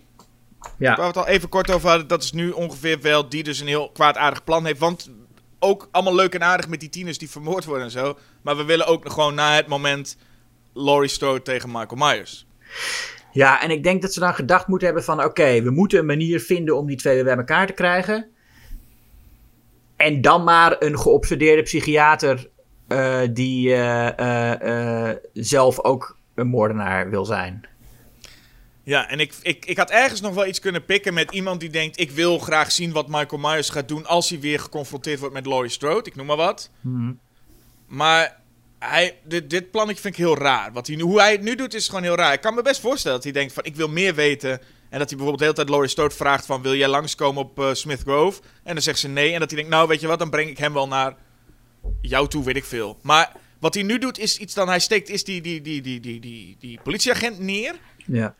En dan zegt hij ook tegen Michael Myers als hij hem neergestoken heeft van... Ah, zo voelt dat dus. Alsof hij daarin geïnteresseerd is. Nou ja, maar dat, hij heeft al eerder gezegd dat hij daarin geïnteresseerd was. Dat hij zich heel erg afvraagt hoe het nou is om iemand te vermoorden. Ja. En dan steekt hij naar die man neer en dan, en dan zegt hij dat. Maar dat is volgens mij ook ADR. Want je ziet hem, dat, dat hoor je terwijl de camera omhoog glijdt langs zijn lichaam. Je ziet hem, je ziet hem niet, je ziet niet zijn mond in dat shot. Nee. En het voelt heel erg van, oh mensen snappen misschien niet waarom hij dit doet. Dus even snel, so this is what it feels like. En ik vroeg me ook af, want die bus, die is, volgens mij is het het hele idee dat die bus is ook, dat Michael heeft kunnen ontsnappen, is volgens mij zijn schuld. Hij heeft ervoor gezorgd dat Michael kon ontsnappen, toch? Ja, Lijkt mij. dat- dus dat ik neem me aan, ik, mis- ik, of hij heeft dat heel vredig gedaan. maar het lijkt mij dat hij daar in die bus ook wel iemand heeft neergestoken om maar Michael eh, los te krijgen. Maar schijnbaar moeten we er nu vanuit gaan dat dit eh, met die agent Ja. de eerste keer is dat hij deze, dit geweld heeft eh, toegepast. Terwijl ik vraag me af, hoe heeft die hele dokter dan Michael kunnen laten ontsnappen in die bus? Nou ja, nou, het zou kunnen dat hij daar dat hij gewoon de bus heeft gesaboteerd of zo. Of, eh, of dat hij zijn handen, de, de handen voor de ogen van de chauffeur heeft gedaan. Ja, maar dan, dan is die chauffeur alsnog dus dood. Dus ik weet, ik weet niet, ik vind Nou het, eh, het- Maar goed, dit is het. Oké, zo voelt het dus dat je iemand hebt neergestoken. En dan wil hij ook nog voelen hoe het is om zo'n 40 jaar oud masker op te zetten. Ja. Nou, dat doet hij dan. Heel, heel, ja, ook een heel dom... Nou, dat blijkt al wel weer. Dat, hebben ze eindelijk een goed masker voor Michael? Want dat is wel een ding. Dit masker ziet er goed uit. Ja. Maar dan zetten ze het op zo'n... Op zo'n vent. En dan zie je ook al meteen... Oh ja, niet iedereen kan dat masker ook hebben. Nee, nee, Michael kan dat dragen, maar dat is inderdaad, eh, ja. Er zit volgens mij in Rob Zombie's eh, film ook. Dan heeft hij eh, dat, dat kleine Michael, dus die jonge Michael, dat masker opzet. En dan heb je zo'n klein mannetje met zo'n heel groot hoofd. Zo'n heel groot Michael Myers hoofd erop. En dat ziet er ook Ja. gewoon dom uit. Inderdaad.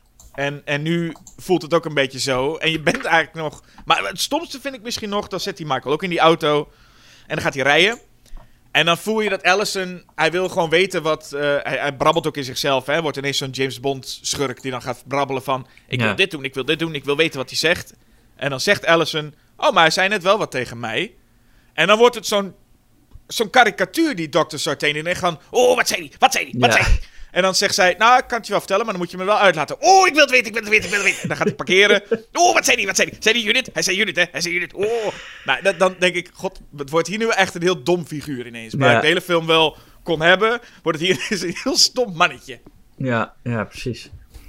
Maar goed, die, eh, en, en dat is allemaal inderdaad bedoeld zodat eh, nou ja, Michael daar weer kan ontsnappen. Hij laat Allison dan even gaan. En dan kunnen we toe naar drie. Want, oh ja, Judy Greer was er ook nog, hè?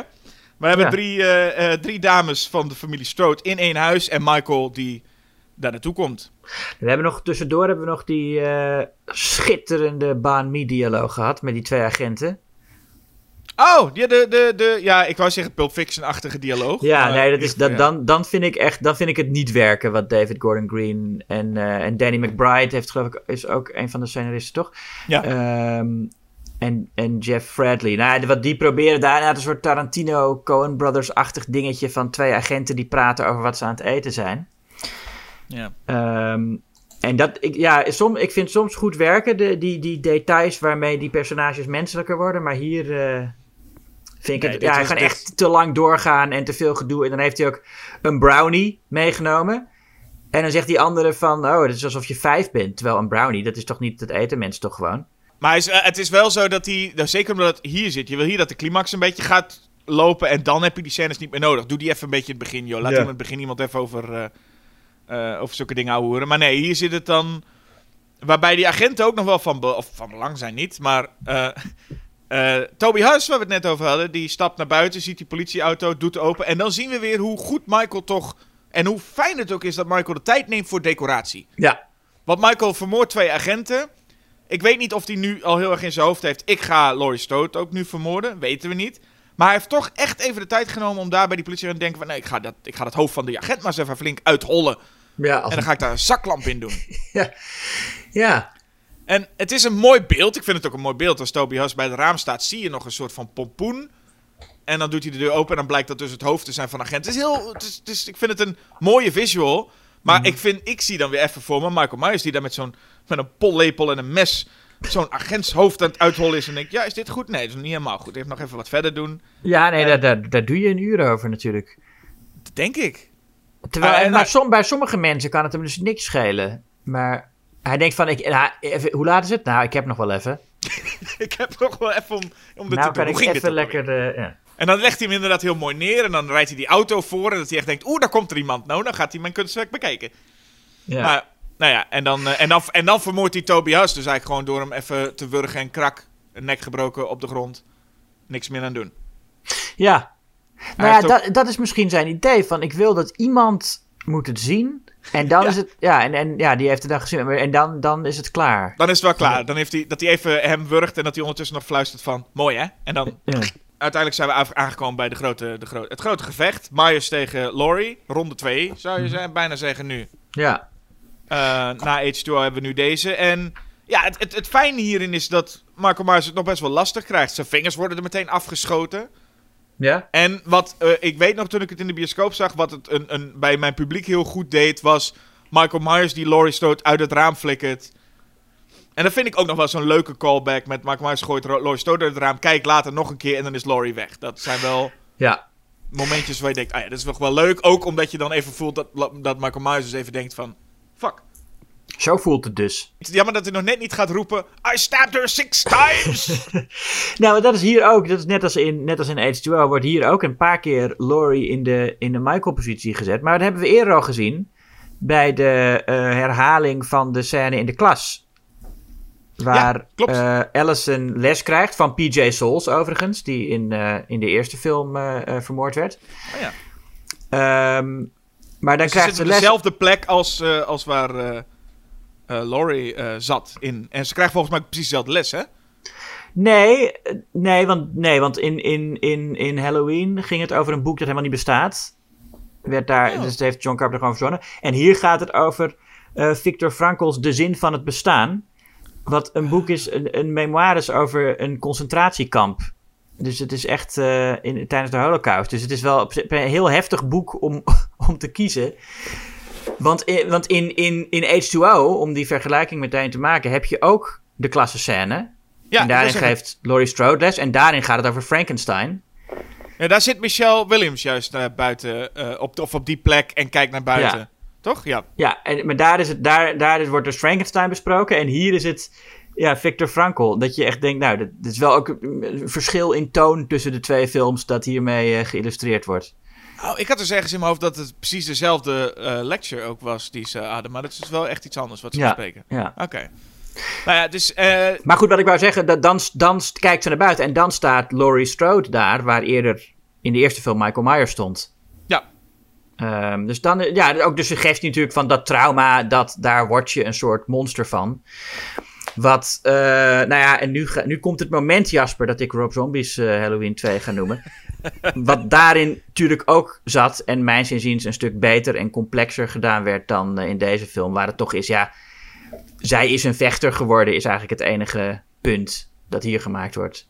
Ja, wat moet ik daar nou op zeggen? Ik, ik, ik, kan, ik kan wel zeggen dat er inderdaad dat er te weinig witte paarden in deze film ook zitten. Nee, maar het personage Laurie Strode. Nou, we hebben het over, over dat verschil. Hè? Hoe Laurie Strode hier en in Halloween H2O. En dan in Rob Zombie's Halloween 2. Wat alle drie films zijn die gaan over hoe je met dat trauma omgaat. Eh, en ik vind het in, ja, in, in H2O en in, in, in Halloween 2018 is dat ja, toch eh, een beetje clichématig en gewoon van ja, je, dan, dan, dan, dan, het, gaat, het gaat er niet echt over wat het psychologisch met haar gedaan heeft, buiten dat ze nu gewoon een vechter is geworden. Ja, want ik moet wel zeggen dat je nu zo zei, eh, en dat zal niet letterlijk dus zo zijn, maar dat we- eh, Laurie Strode staat bij die school bij, eh, als, als Michael Myers naar, naar binnen te kijken. Ja. Maar dat het niet, dat het, het is visueel een leuke callback wat mij betreft, maar het is niet dat ik daarin voel dat ze een monster is geworden. Of dat ze daarin überhaupt, überhaupt een slecht persoon, want ze is gewoon eigenlijk nog best wel een, een, gewoon een lieve oma voor ja, voor nee, zij staat daar natuurlijk niet met kwade intenties te kijken of, zo, maar. eh, maar Ze het is wel, door de manier waarop ze haar dochter heeft opgevoed. Ze, is, ze heeft haar dochter opgevoed nogal angstig. Ja. En, en de vraag is altijd een klein beetje, eh, en dat blijkt in volgens mij H2O en in deze film ook wel een beetje van, oh, ze had, ze had ook gelijk. Zo moet je schijnbaar je dochter opvoeden, want het kwaad komt ook echt terug. Nou ja, dat is inderdaad het, het, het, het, het, eh, de soort rare moraal die deze film heeft. Dat het toch wel een goed idee was. En dat zelfs Karen pakt haar geweer, waar haar initialen op staan, KS. eh, dat pakt ze dan. En, en dan zit ze, nou, moet ik godverdomme toch maar eens. eh, en, dan, en dan gaat ze ook nog eerst, doet ze alsof ze het niet kan. Ja. Maar als Michael dan voor haar verschijnt, dan zegt ze gotcha. En dan eh, eh, schiet ze hem neer. Dus het Ja, is, ja, de, de, de moraal van het verhaal lijkt dan eigenlijk te zijn dat het toch wel heel goed is wat Laurie Strode heeft gedaan. Nou ja, en we zien ook niet helemaal. We zien natuurlijk wel. We horen wel dingen over de verhouding tussen Judy Greer en Laurie eh, en, en, en Jamie Lee Curtis. De, de, de moeder-dochter verhouding. Dat die niet heel goed is. Maar wat ik eruit kan opmaken is dat ze elkaar niet heel erg mogen. Maar dat is een beetje zoals, ik, zoals je heel veel eh, kinderen met hun ouders wel een contact hebben. Het is, ik, je ziet niet echt aan Judy Greer hoe ze terecht is gekomen. Dat echt flink verknipte jeugd is geweest. Dat het echt heel heftig allemaal voor haar is. Het is gewoon... Ja, die moeder van mij is een beetje een raar mens? Ja, nee, we krijgen ook niet echt. Over, over haar trauma leren we ook niks. Terwijl zij is uiteindelijk bij haar moeder weggehaald door de kinderbescherming. Dus het, het, ja, het, het zal wel heel ver gegaan zijn. Maar zij, we zien ook niet echt dat zij daardoor nou echt getraumatiseerd is. Nee, het is ook niet alsof er geen contact meer is. Ze hebben gewoon contact. Moeder, komt, moeder eh, hè, Laurie komt nog wel eens langs bij hen thuis. niet vaak. Ze komt niet vaak de deur uit. Ze bellen elkaar nog wel. Ze spreken elkaar nog wel. Dus de- je voelt Ja. ook niet echt dat er echt iets enorm beschadigd is. En aan het einde van de film lijkt het dan toch dat Lois Stoot kan zeggen... Zie je wel, je moet, je moet gewoon Ja. altijd, eh, altijd eh, op paspoppen blijven schieten je hele leven. Ja. Want Ja. dat, ga je een keer van dat gaat een keer van pas komen. En ja, of dat nou heel erg is... Als, je, als we ergens hadden gezien dat Judy Greer echt een enorm slecht leven zou hebben... Bijvoorbeeld... Nou, ze heeft ook een leuke vent, Toby Huss. Je hebt de Wiz toch maar aan de haak geslagen. In plaats van, Ja. eh, in plaats van dat je misschien ook problemen had met je binden aan mannen of wat dan ook. Maar dat zien we niet echt. Het is eigenlijk gewoon... Einde van de film is het een leuke reunie. Zo van, ah, we, zijn weer één en we, snappen elkaar weer wat beter. Ja, en dat is dan bedoeld als een soort eh, misschien ontroerend moment van drie generaties bij elkaar. Drie vrouwen die samen die man verslagen hebben. En, eh, maar, en, ja, en meer begrip voor elkaar hebben gekregen. Maar het voelt voor mij, het zit toch niet, het is een beetje gemakkelijk of zo. Ja, het is in ieder geval wel wat karig hoe, hoe men omgaat met eh, en wat er voor effecten het had op Judy Greer. En zeker wat het had op Allison. Want Allison loopt ook gewoon maar mee. Ik vind het eigenlijk allemaal wel prima. Ja, Oh, ik, ik mag mijn moeder wel, ik mag mijn oma wel. Ik heb een leuke jeugd gehad. Ja, mijn, mijn vriendje ging even, zoende even met iemand anders op het feest en gooide mijn telefoon in de vla. Maar verder heeft zij niet echt iets, eh, nee. heeft ze niet echt iets, iets, iets om over te klagen. Ja, ja. Dus dat, eh, dat, dat stuk valt wel, wel tegen. Maar het stuk dat, ja, wat wel fijn is hier en is gewoon hoe... En wat Jamie Lee Curtis, dat moeten we ook zeggen. Eigenlijk zowel bij H2 als bij deze. Jamie Lee Curtis een goede actrice die het ook wel goed neerzet. En wel, ondanks dat het misschien niet altijd even sterk is hoe het geschreven is voor haar personage. Ik vind beide keren speelt ze het wel... ehm, speelt ze wel een goede rol, sterke rol. Ja. Leuk om haar terug te zien. Zeker, zeker. Ja, en... ehm, maar goed, dat, dat dus ook wel fijn om te zien... dat Laurie Strode dus een beetje de, de, de, de... Nou ja, Michael de baas is. Het fijne is hieraan dat Michael gewoon nog steeds wel een baas blijkt. Het is niet een... eh, dat hij ineens valt en... Nou ja, met die, met die ogen scheel gaat kijken of zo. Het blijft, een, het blijft een goede match dit keer, vind ik. Ja, hij doet ook weer zijn eh rechtopzet trucje. Ja, uiteraard. En eh, volgens mij ook weer dat schuine hoofd, toch?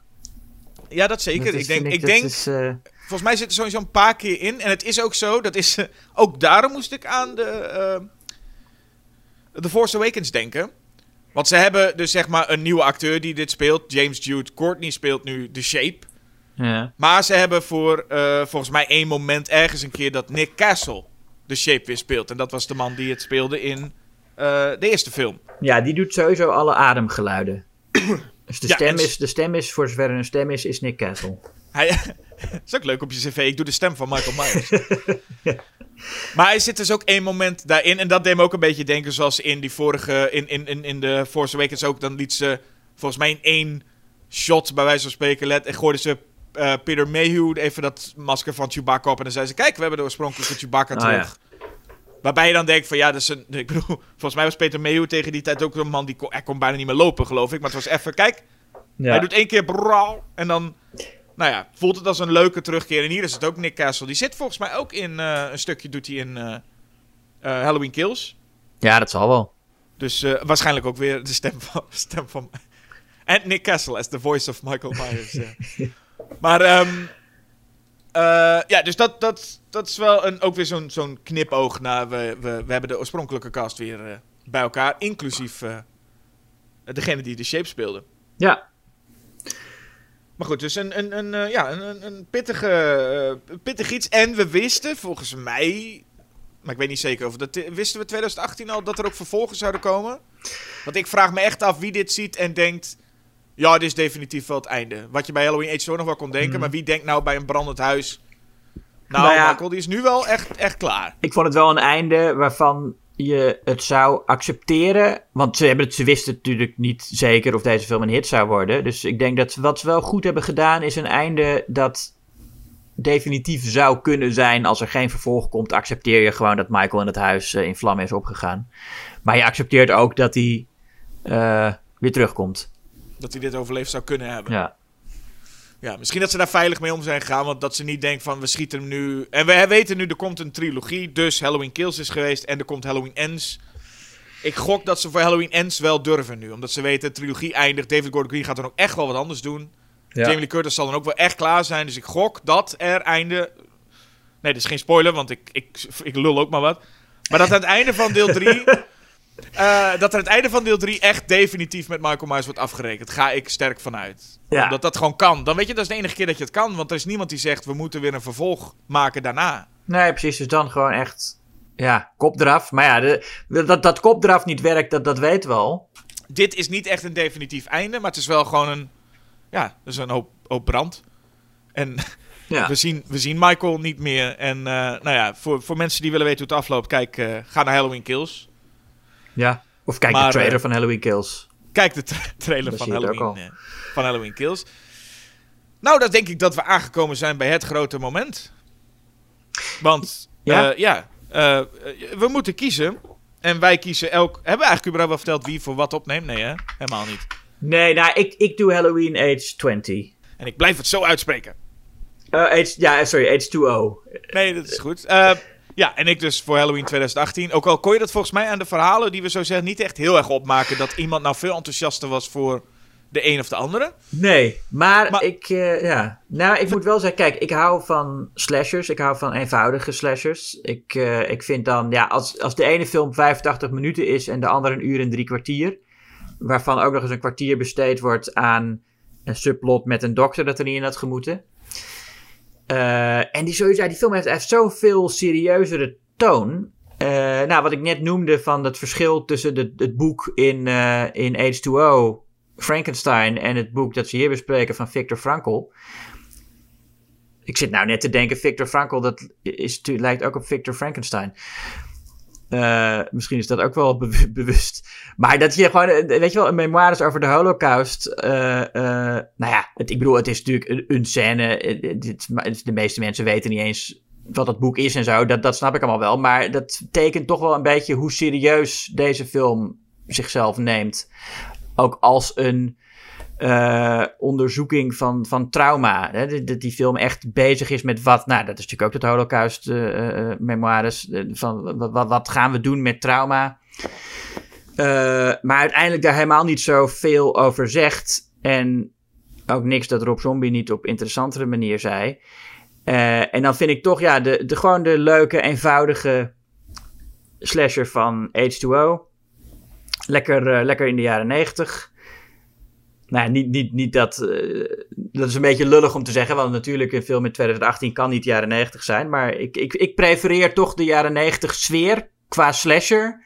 Boven eh, deze zichzelf serieus nemende onzin. Ik vind, ja, ik vind het wel een beetje onzin allemaal. Het zitten een paar goede momenten in, een paar goede spannende moordscènes. Maar over het algemeen is die film toch, ja, het is gewoon onzin. Het is gewoon, onzin. Nou, het neemt zichzelf veel te serieus. Terwijl het onzin is. H2O is natuurlijk ook onzin. Maar.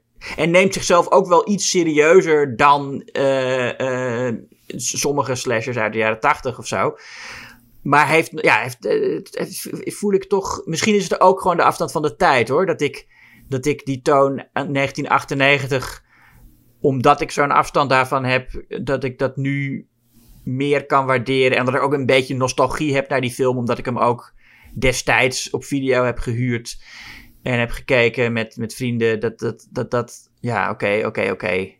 Maar, eh, nou ja, nee. we- Weet je, ik zeg gewoon lekker kort, 85 minuten. Ja, dat is een goed punt. Ik denk trouwens ook, als je dat zo zegt, ik denk ook dat er een, een herwaardering ook een beetje aan zit te komen voor, met die nostalgische waarde voor de jaren 90 en eind jaren 90 dingen. Ja. Als dat er niet al is, maar dat was voor de jaren 80 ook wel zo. En niet voor niks was het, toen Halloween 3 uitkwam, niemand moest er wat van weten. Nu vindt iedereen dat leuk. En wordt het Nou, bijna een van de iedereen, iedereen, iedereen. Maar inderdaad, meer Even, ik, ja. ik chargeer, maar het is wel een beetje zo dat wat toen een beetje knullig en zo was, wordt nu ook heel erg gezien als leuk. ja. En ik heb het gevoel dat dat ook met. Want toen Halloween Resurrection bijvoorbeeld uitkwam. Hm. Iedereen haatte die film zo ongeveer wel. Het was echt Ja. een gate film met het einde van de franchise. En ik voel wel dat mensen nu het steeds leuker vinden om terug te gaan naar zo'n film. Te denken, wat was het allemaal lekker dom, hè? Oh, en Buster Ja. Rhymes die kung fu doet. En dat dat daardoor een extra stukje waardering weer komt. Dat mensen dat eigenlijk wel leuk vinden. Eh, Ja. het, het, het, het- en hetzelfde voelt een beetje met dat... Wij kennen nu die Christopher Nolan Batman wel. En nu vindt iedereen stiekem wel leuk om weer naar Joel Schumacher te gaan. En zeggen, ah, was, was het eigenlijk ook wel leuk dom? Ja, en niet eens zo stiekem. Dat zijn echt dat zijn behoorlijk eh, gepassioneerde verdedigingen van. En ik ben ook wel, ik ben een, milde verdediger van Halloween Resurrection. Ik vind dat, ja, natuurlijk, het is een slechte film, maar ik vind hem wel. ehm, hij is niet per se slechter dan een gemiddelde jaren 80 slasher. En heel lang was het zo dat mensen zeiden: jaren 80, toen waren de slashers echt. En de jaren 90 is allemaal hippe bullshit. Maar nu zijn wij het die nostalgie hebben naar de jaren 90. Weet je wel, ik, ik was, eh, eh, wat was ik, 12 of zo in 2000? Nee, 13. Toen ik al die dingen zag. En nu heb, ben ik degene die nostalgie heeft naar de jaren 90 dingen. Ja. En, en ik, ik zie dat, ja, dat is ongeveer hetzelfde als in de jaren 80 qua niveau. Halloween Resurrection is echt niet slechter dan. Nou, ik vind hem zelfs. Ik kijk hem. Ik vind hem leuker dan Halloween 2. En Halloween 2 is dan de wat stijlvoller film of zo. Maar ik vind eh, Halloween Resurrection. Daar geniet ik eigenlijk meer van. Ja. Maar het is dus wel zo dat als we het hebben over. We, we, we, we gaan 20 jaar later of 40 jaar later nu bespreken. Dat 2018. Ja, die kan het nog niet hebben van. We kijken terug naar een bepaalde periode. Eh, die nostalgie die je zegt. Maar ik ben wel blij met deze trend dat we even weer de serieuze kant op gaan. Er zal straks wel weer een andere kant op gaan. Maar ik ben wel blij naar de, de hele echte meta-dingen. Echte, de, de, we moet, alles moet met een knipoog. Ben ik ook wel blij met de trend van Halloween 2018. Maar ook Candyman die we de- dit jaar hadden. Ja. Van, oh neem het maar eens een keertje even serieus. Maar van, van mij mag je daarna weer beginnen met lekkere crappy vervolgen en een beetje do- domheid. Maar nu, ja, ik vind het wel een fijn iets om even weer de serieuze kant op te gaan. Net als dat na, na eh, ik ben geen groot liefhebber van de, van de, van de Batman films van, van eh, Nolan. Maar ik was wel blij dat we even dat kregen na Joel Schumacher's films. En dan, nou, nu gaan we iets nieuws krijgen. Dat vind ik wel fijn eraan. Ja. Dus ik, ik vind het feit dat deze film zich serieus neemt. Dat is wel grappig hoe we nu. Hè, jij bent meestal degene die. Als we het hebben over Friday the 13 6 eh, of, of, of eh, Jason X, zeg je. Oh, ik wil even geen humor in mijn slashers. Het is wel grappig dat ik nu juist even niet voor de luchtigheid kies. Maar denk. Nee, ik vind het wel fijn dat het zich serieus neemt. Ook al zit er wat luchtigheid in. Nee, maar H2O neemt zichzelf ook serieus. Ja. Maar hij is Ja, niet nee, zo nee, zwaar. ja. Nee, ik vind, ik vind dan, dan. En ja, op dat vlak denk ik bijna dat ik. Als ik dan naar Resurrection kijk, denk ik. Ah, die vind ik heel erg dom. Maar ik vind het wel grappig, omdat het zo dom is. En dat heeft Ja. Halloween H2 dan ook niet echt. Ik vind namelijk die Michael Myers met die grote ogen... vind ik gewoon dom op een slechte manier. Ja. Ja, maar voor mij, ondanks dat ik nu lijkt alsof ik heel erg een heel duidelijk punt heb van dit, dit is mijn film. Nee, voor mij vallen Halloween 2018 en H2O in het midden van de ranking voor mijzelf. Als ik kijk, het zijn niet de slechtste Halloween films, zijn ook niet de beste. Ze vallen in het midden. En waarom dan de een wel, de ander niet? Dat ligt... Ze hebben allebei hun, hun, hun minder goede kanten. Maar ik zou zeggen, er zijn twee dingen waarvan ik Halloween 2018 beter vind. Ik vind... De, ik mis de jumpscares, fake jumpscares niet. Ja. Daar ben ik wel blij mee. En ik vind uiteindelijk, puntje bepaalt je, ze doen veel, iets, iets veel beters met Michael Myers als figuur. Ik vind, eh, ze maken er een brute, gevaarlijke, eh, mysterieuze persoon van. In tegenstelling tot die, eh, die hele knullige, slechte CGI-maskerdragende Michael in H2O. Als ik dat punt moet kiezen, denk ik, ja, op dat vlak gaat Halloween 2018 vro- door. Ja, hij is meer een, een beest dan een mens ook, hè?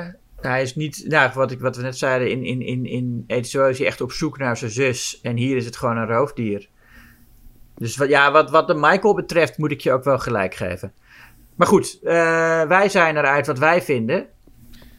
Het is tijd voor de luisteraar. Het is nog Halloween, dus je mag nog even de hele... Kijk die hele reeks of zo nog een keertje. Of ga gewoon überhaupt gewoon lekker horrorfilms kijken. Daar is oktober ook bedoeld voor. Ja, dat is een goede tip voor, on- voor onze luisteraars. Schokkend. Mensen van Schokkend Nieuws zeggen ga eens horrorfilms kijken, joh. Wij gaan dat niet doen alleen. Oh nee? Wij stappen even van de horrorfilm af. Ja, de luisteraar mag lekker nadenken. Kiezen we voor H2O of Halloween? En wij gaan alvast springen we even naar de volgende aflevering. En dan stappen we even van horror af, hè? Ja, oh ja. Maar we Oh, gaan wel oh. twee meesterwerken bekijken. Oh, zeker. Dit is een aflevering waar ik e- enorm veel zin in heb.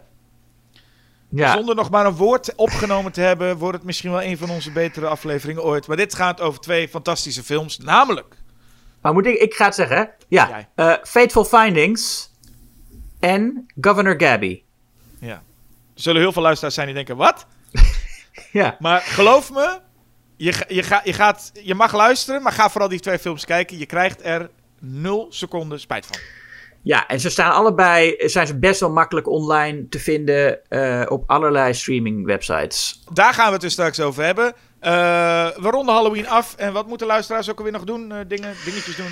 Ja, je moet altijd subscriben, liken en commenten, eh, commentaar achterlaten. En vooral ook recensies achterlaten, want dat helpt ook als je ons sterren geeft. Veel sterren, alsjeblieft.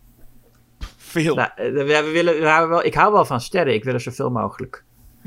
Het liefst zes, maar dat kan volgens mij niet. Nee, vijf is het maximum. Maar goed, Nou, dat, vijf. laat het allemaal weten. En, en, en eh, deel de podcast met eh, bijna iedereen die je kent. En neem een abonnement op het blad Schok het Nieuws. Dat eh, op dit moment net in de winkel ligt. Waarin ook, Jasper, een stuk van jouw hand staat over de hele Halloween-reeks. Ja, dus kun je nog Dus eens als nalezen je- wat ik hier nou verteld heb.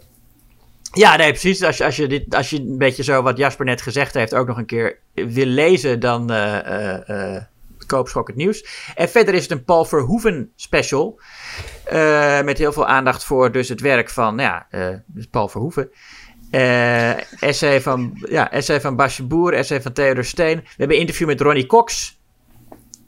Uit Robocop en Total Recall. Onder meer, maar gaat niet alleen over zijn Verhoeven films. En er is een interview met Brian Usna, waar ik erg blij mee ben. En nog veel meer. Kortom, koop dat nummer. Ja, en wil je trouwens weten, want je, als je iets van mij van Halloween, dan moet je het blad kopen. Maar wil je weten wat Julius nou bijvoorbeeld vindt van Halloween Kills die nu in de bioscoop draait? Dan gaan we weer naar de website van Schokkend Nieuws. Ja, Schokkendnieuws.nl. ja. En dan lees je daar weer ook allerlei recensies, waaronder dus voor Halloween Kills. Je was niet, eh, even heel kort, maar je was niet eh, heel erg eh, blij ermee, hè? Nee, nee ik, vond hem, ik vond hem minder dan Halloween. En ik, ik vind, ja, Halloween 2018 vind ik al niet een van de beste. Maar ik vond Halloween Kills, ja, nee. bleh. Nou ja, er, was, er zaten een paar leuke dingen in, maar eh had ook niet gehoeven. Het voelde ook heel erg als een soort opvulling tussen. Omdat het dan een trilogie moet zijn. Dit, dit, je- het voelt echt als een tussenfilm. Ja, eens, eens. Ik ben het met je eens. Het was helaas niet zo'n hele, hele beste film, maar goed. eh, wie weet, voor een andere podcast duiken we daar dieper in. Eh, voor nu zou ik willen zeggen, jullie bedankt voor het praten. Ja, ook bedankt voor het praten. En luisteraar, bedankt voor het luisteraar. Bedankt voor het luisteren en tot de volgende keer. Doeg.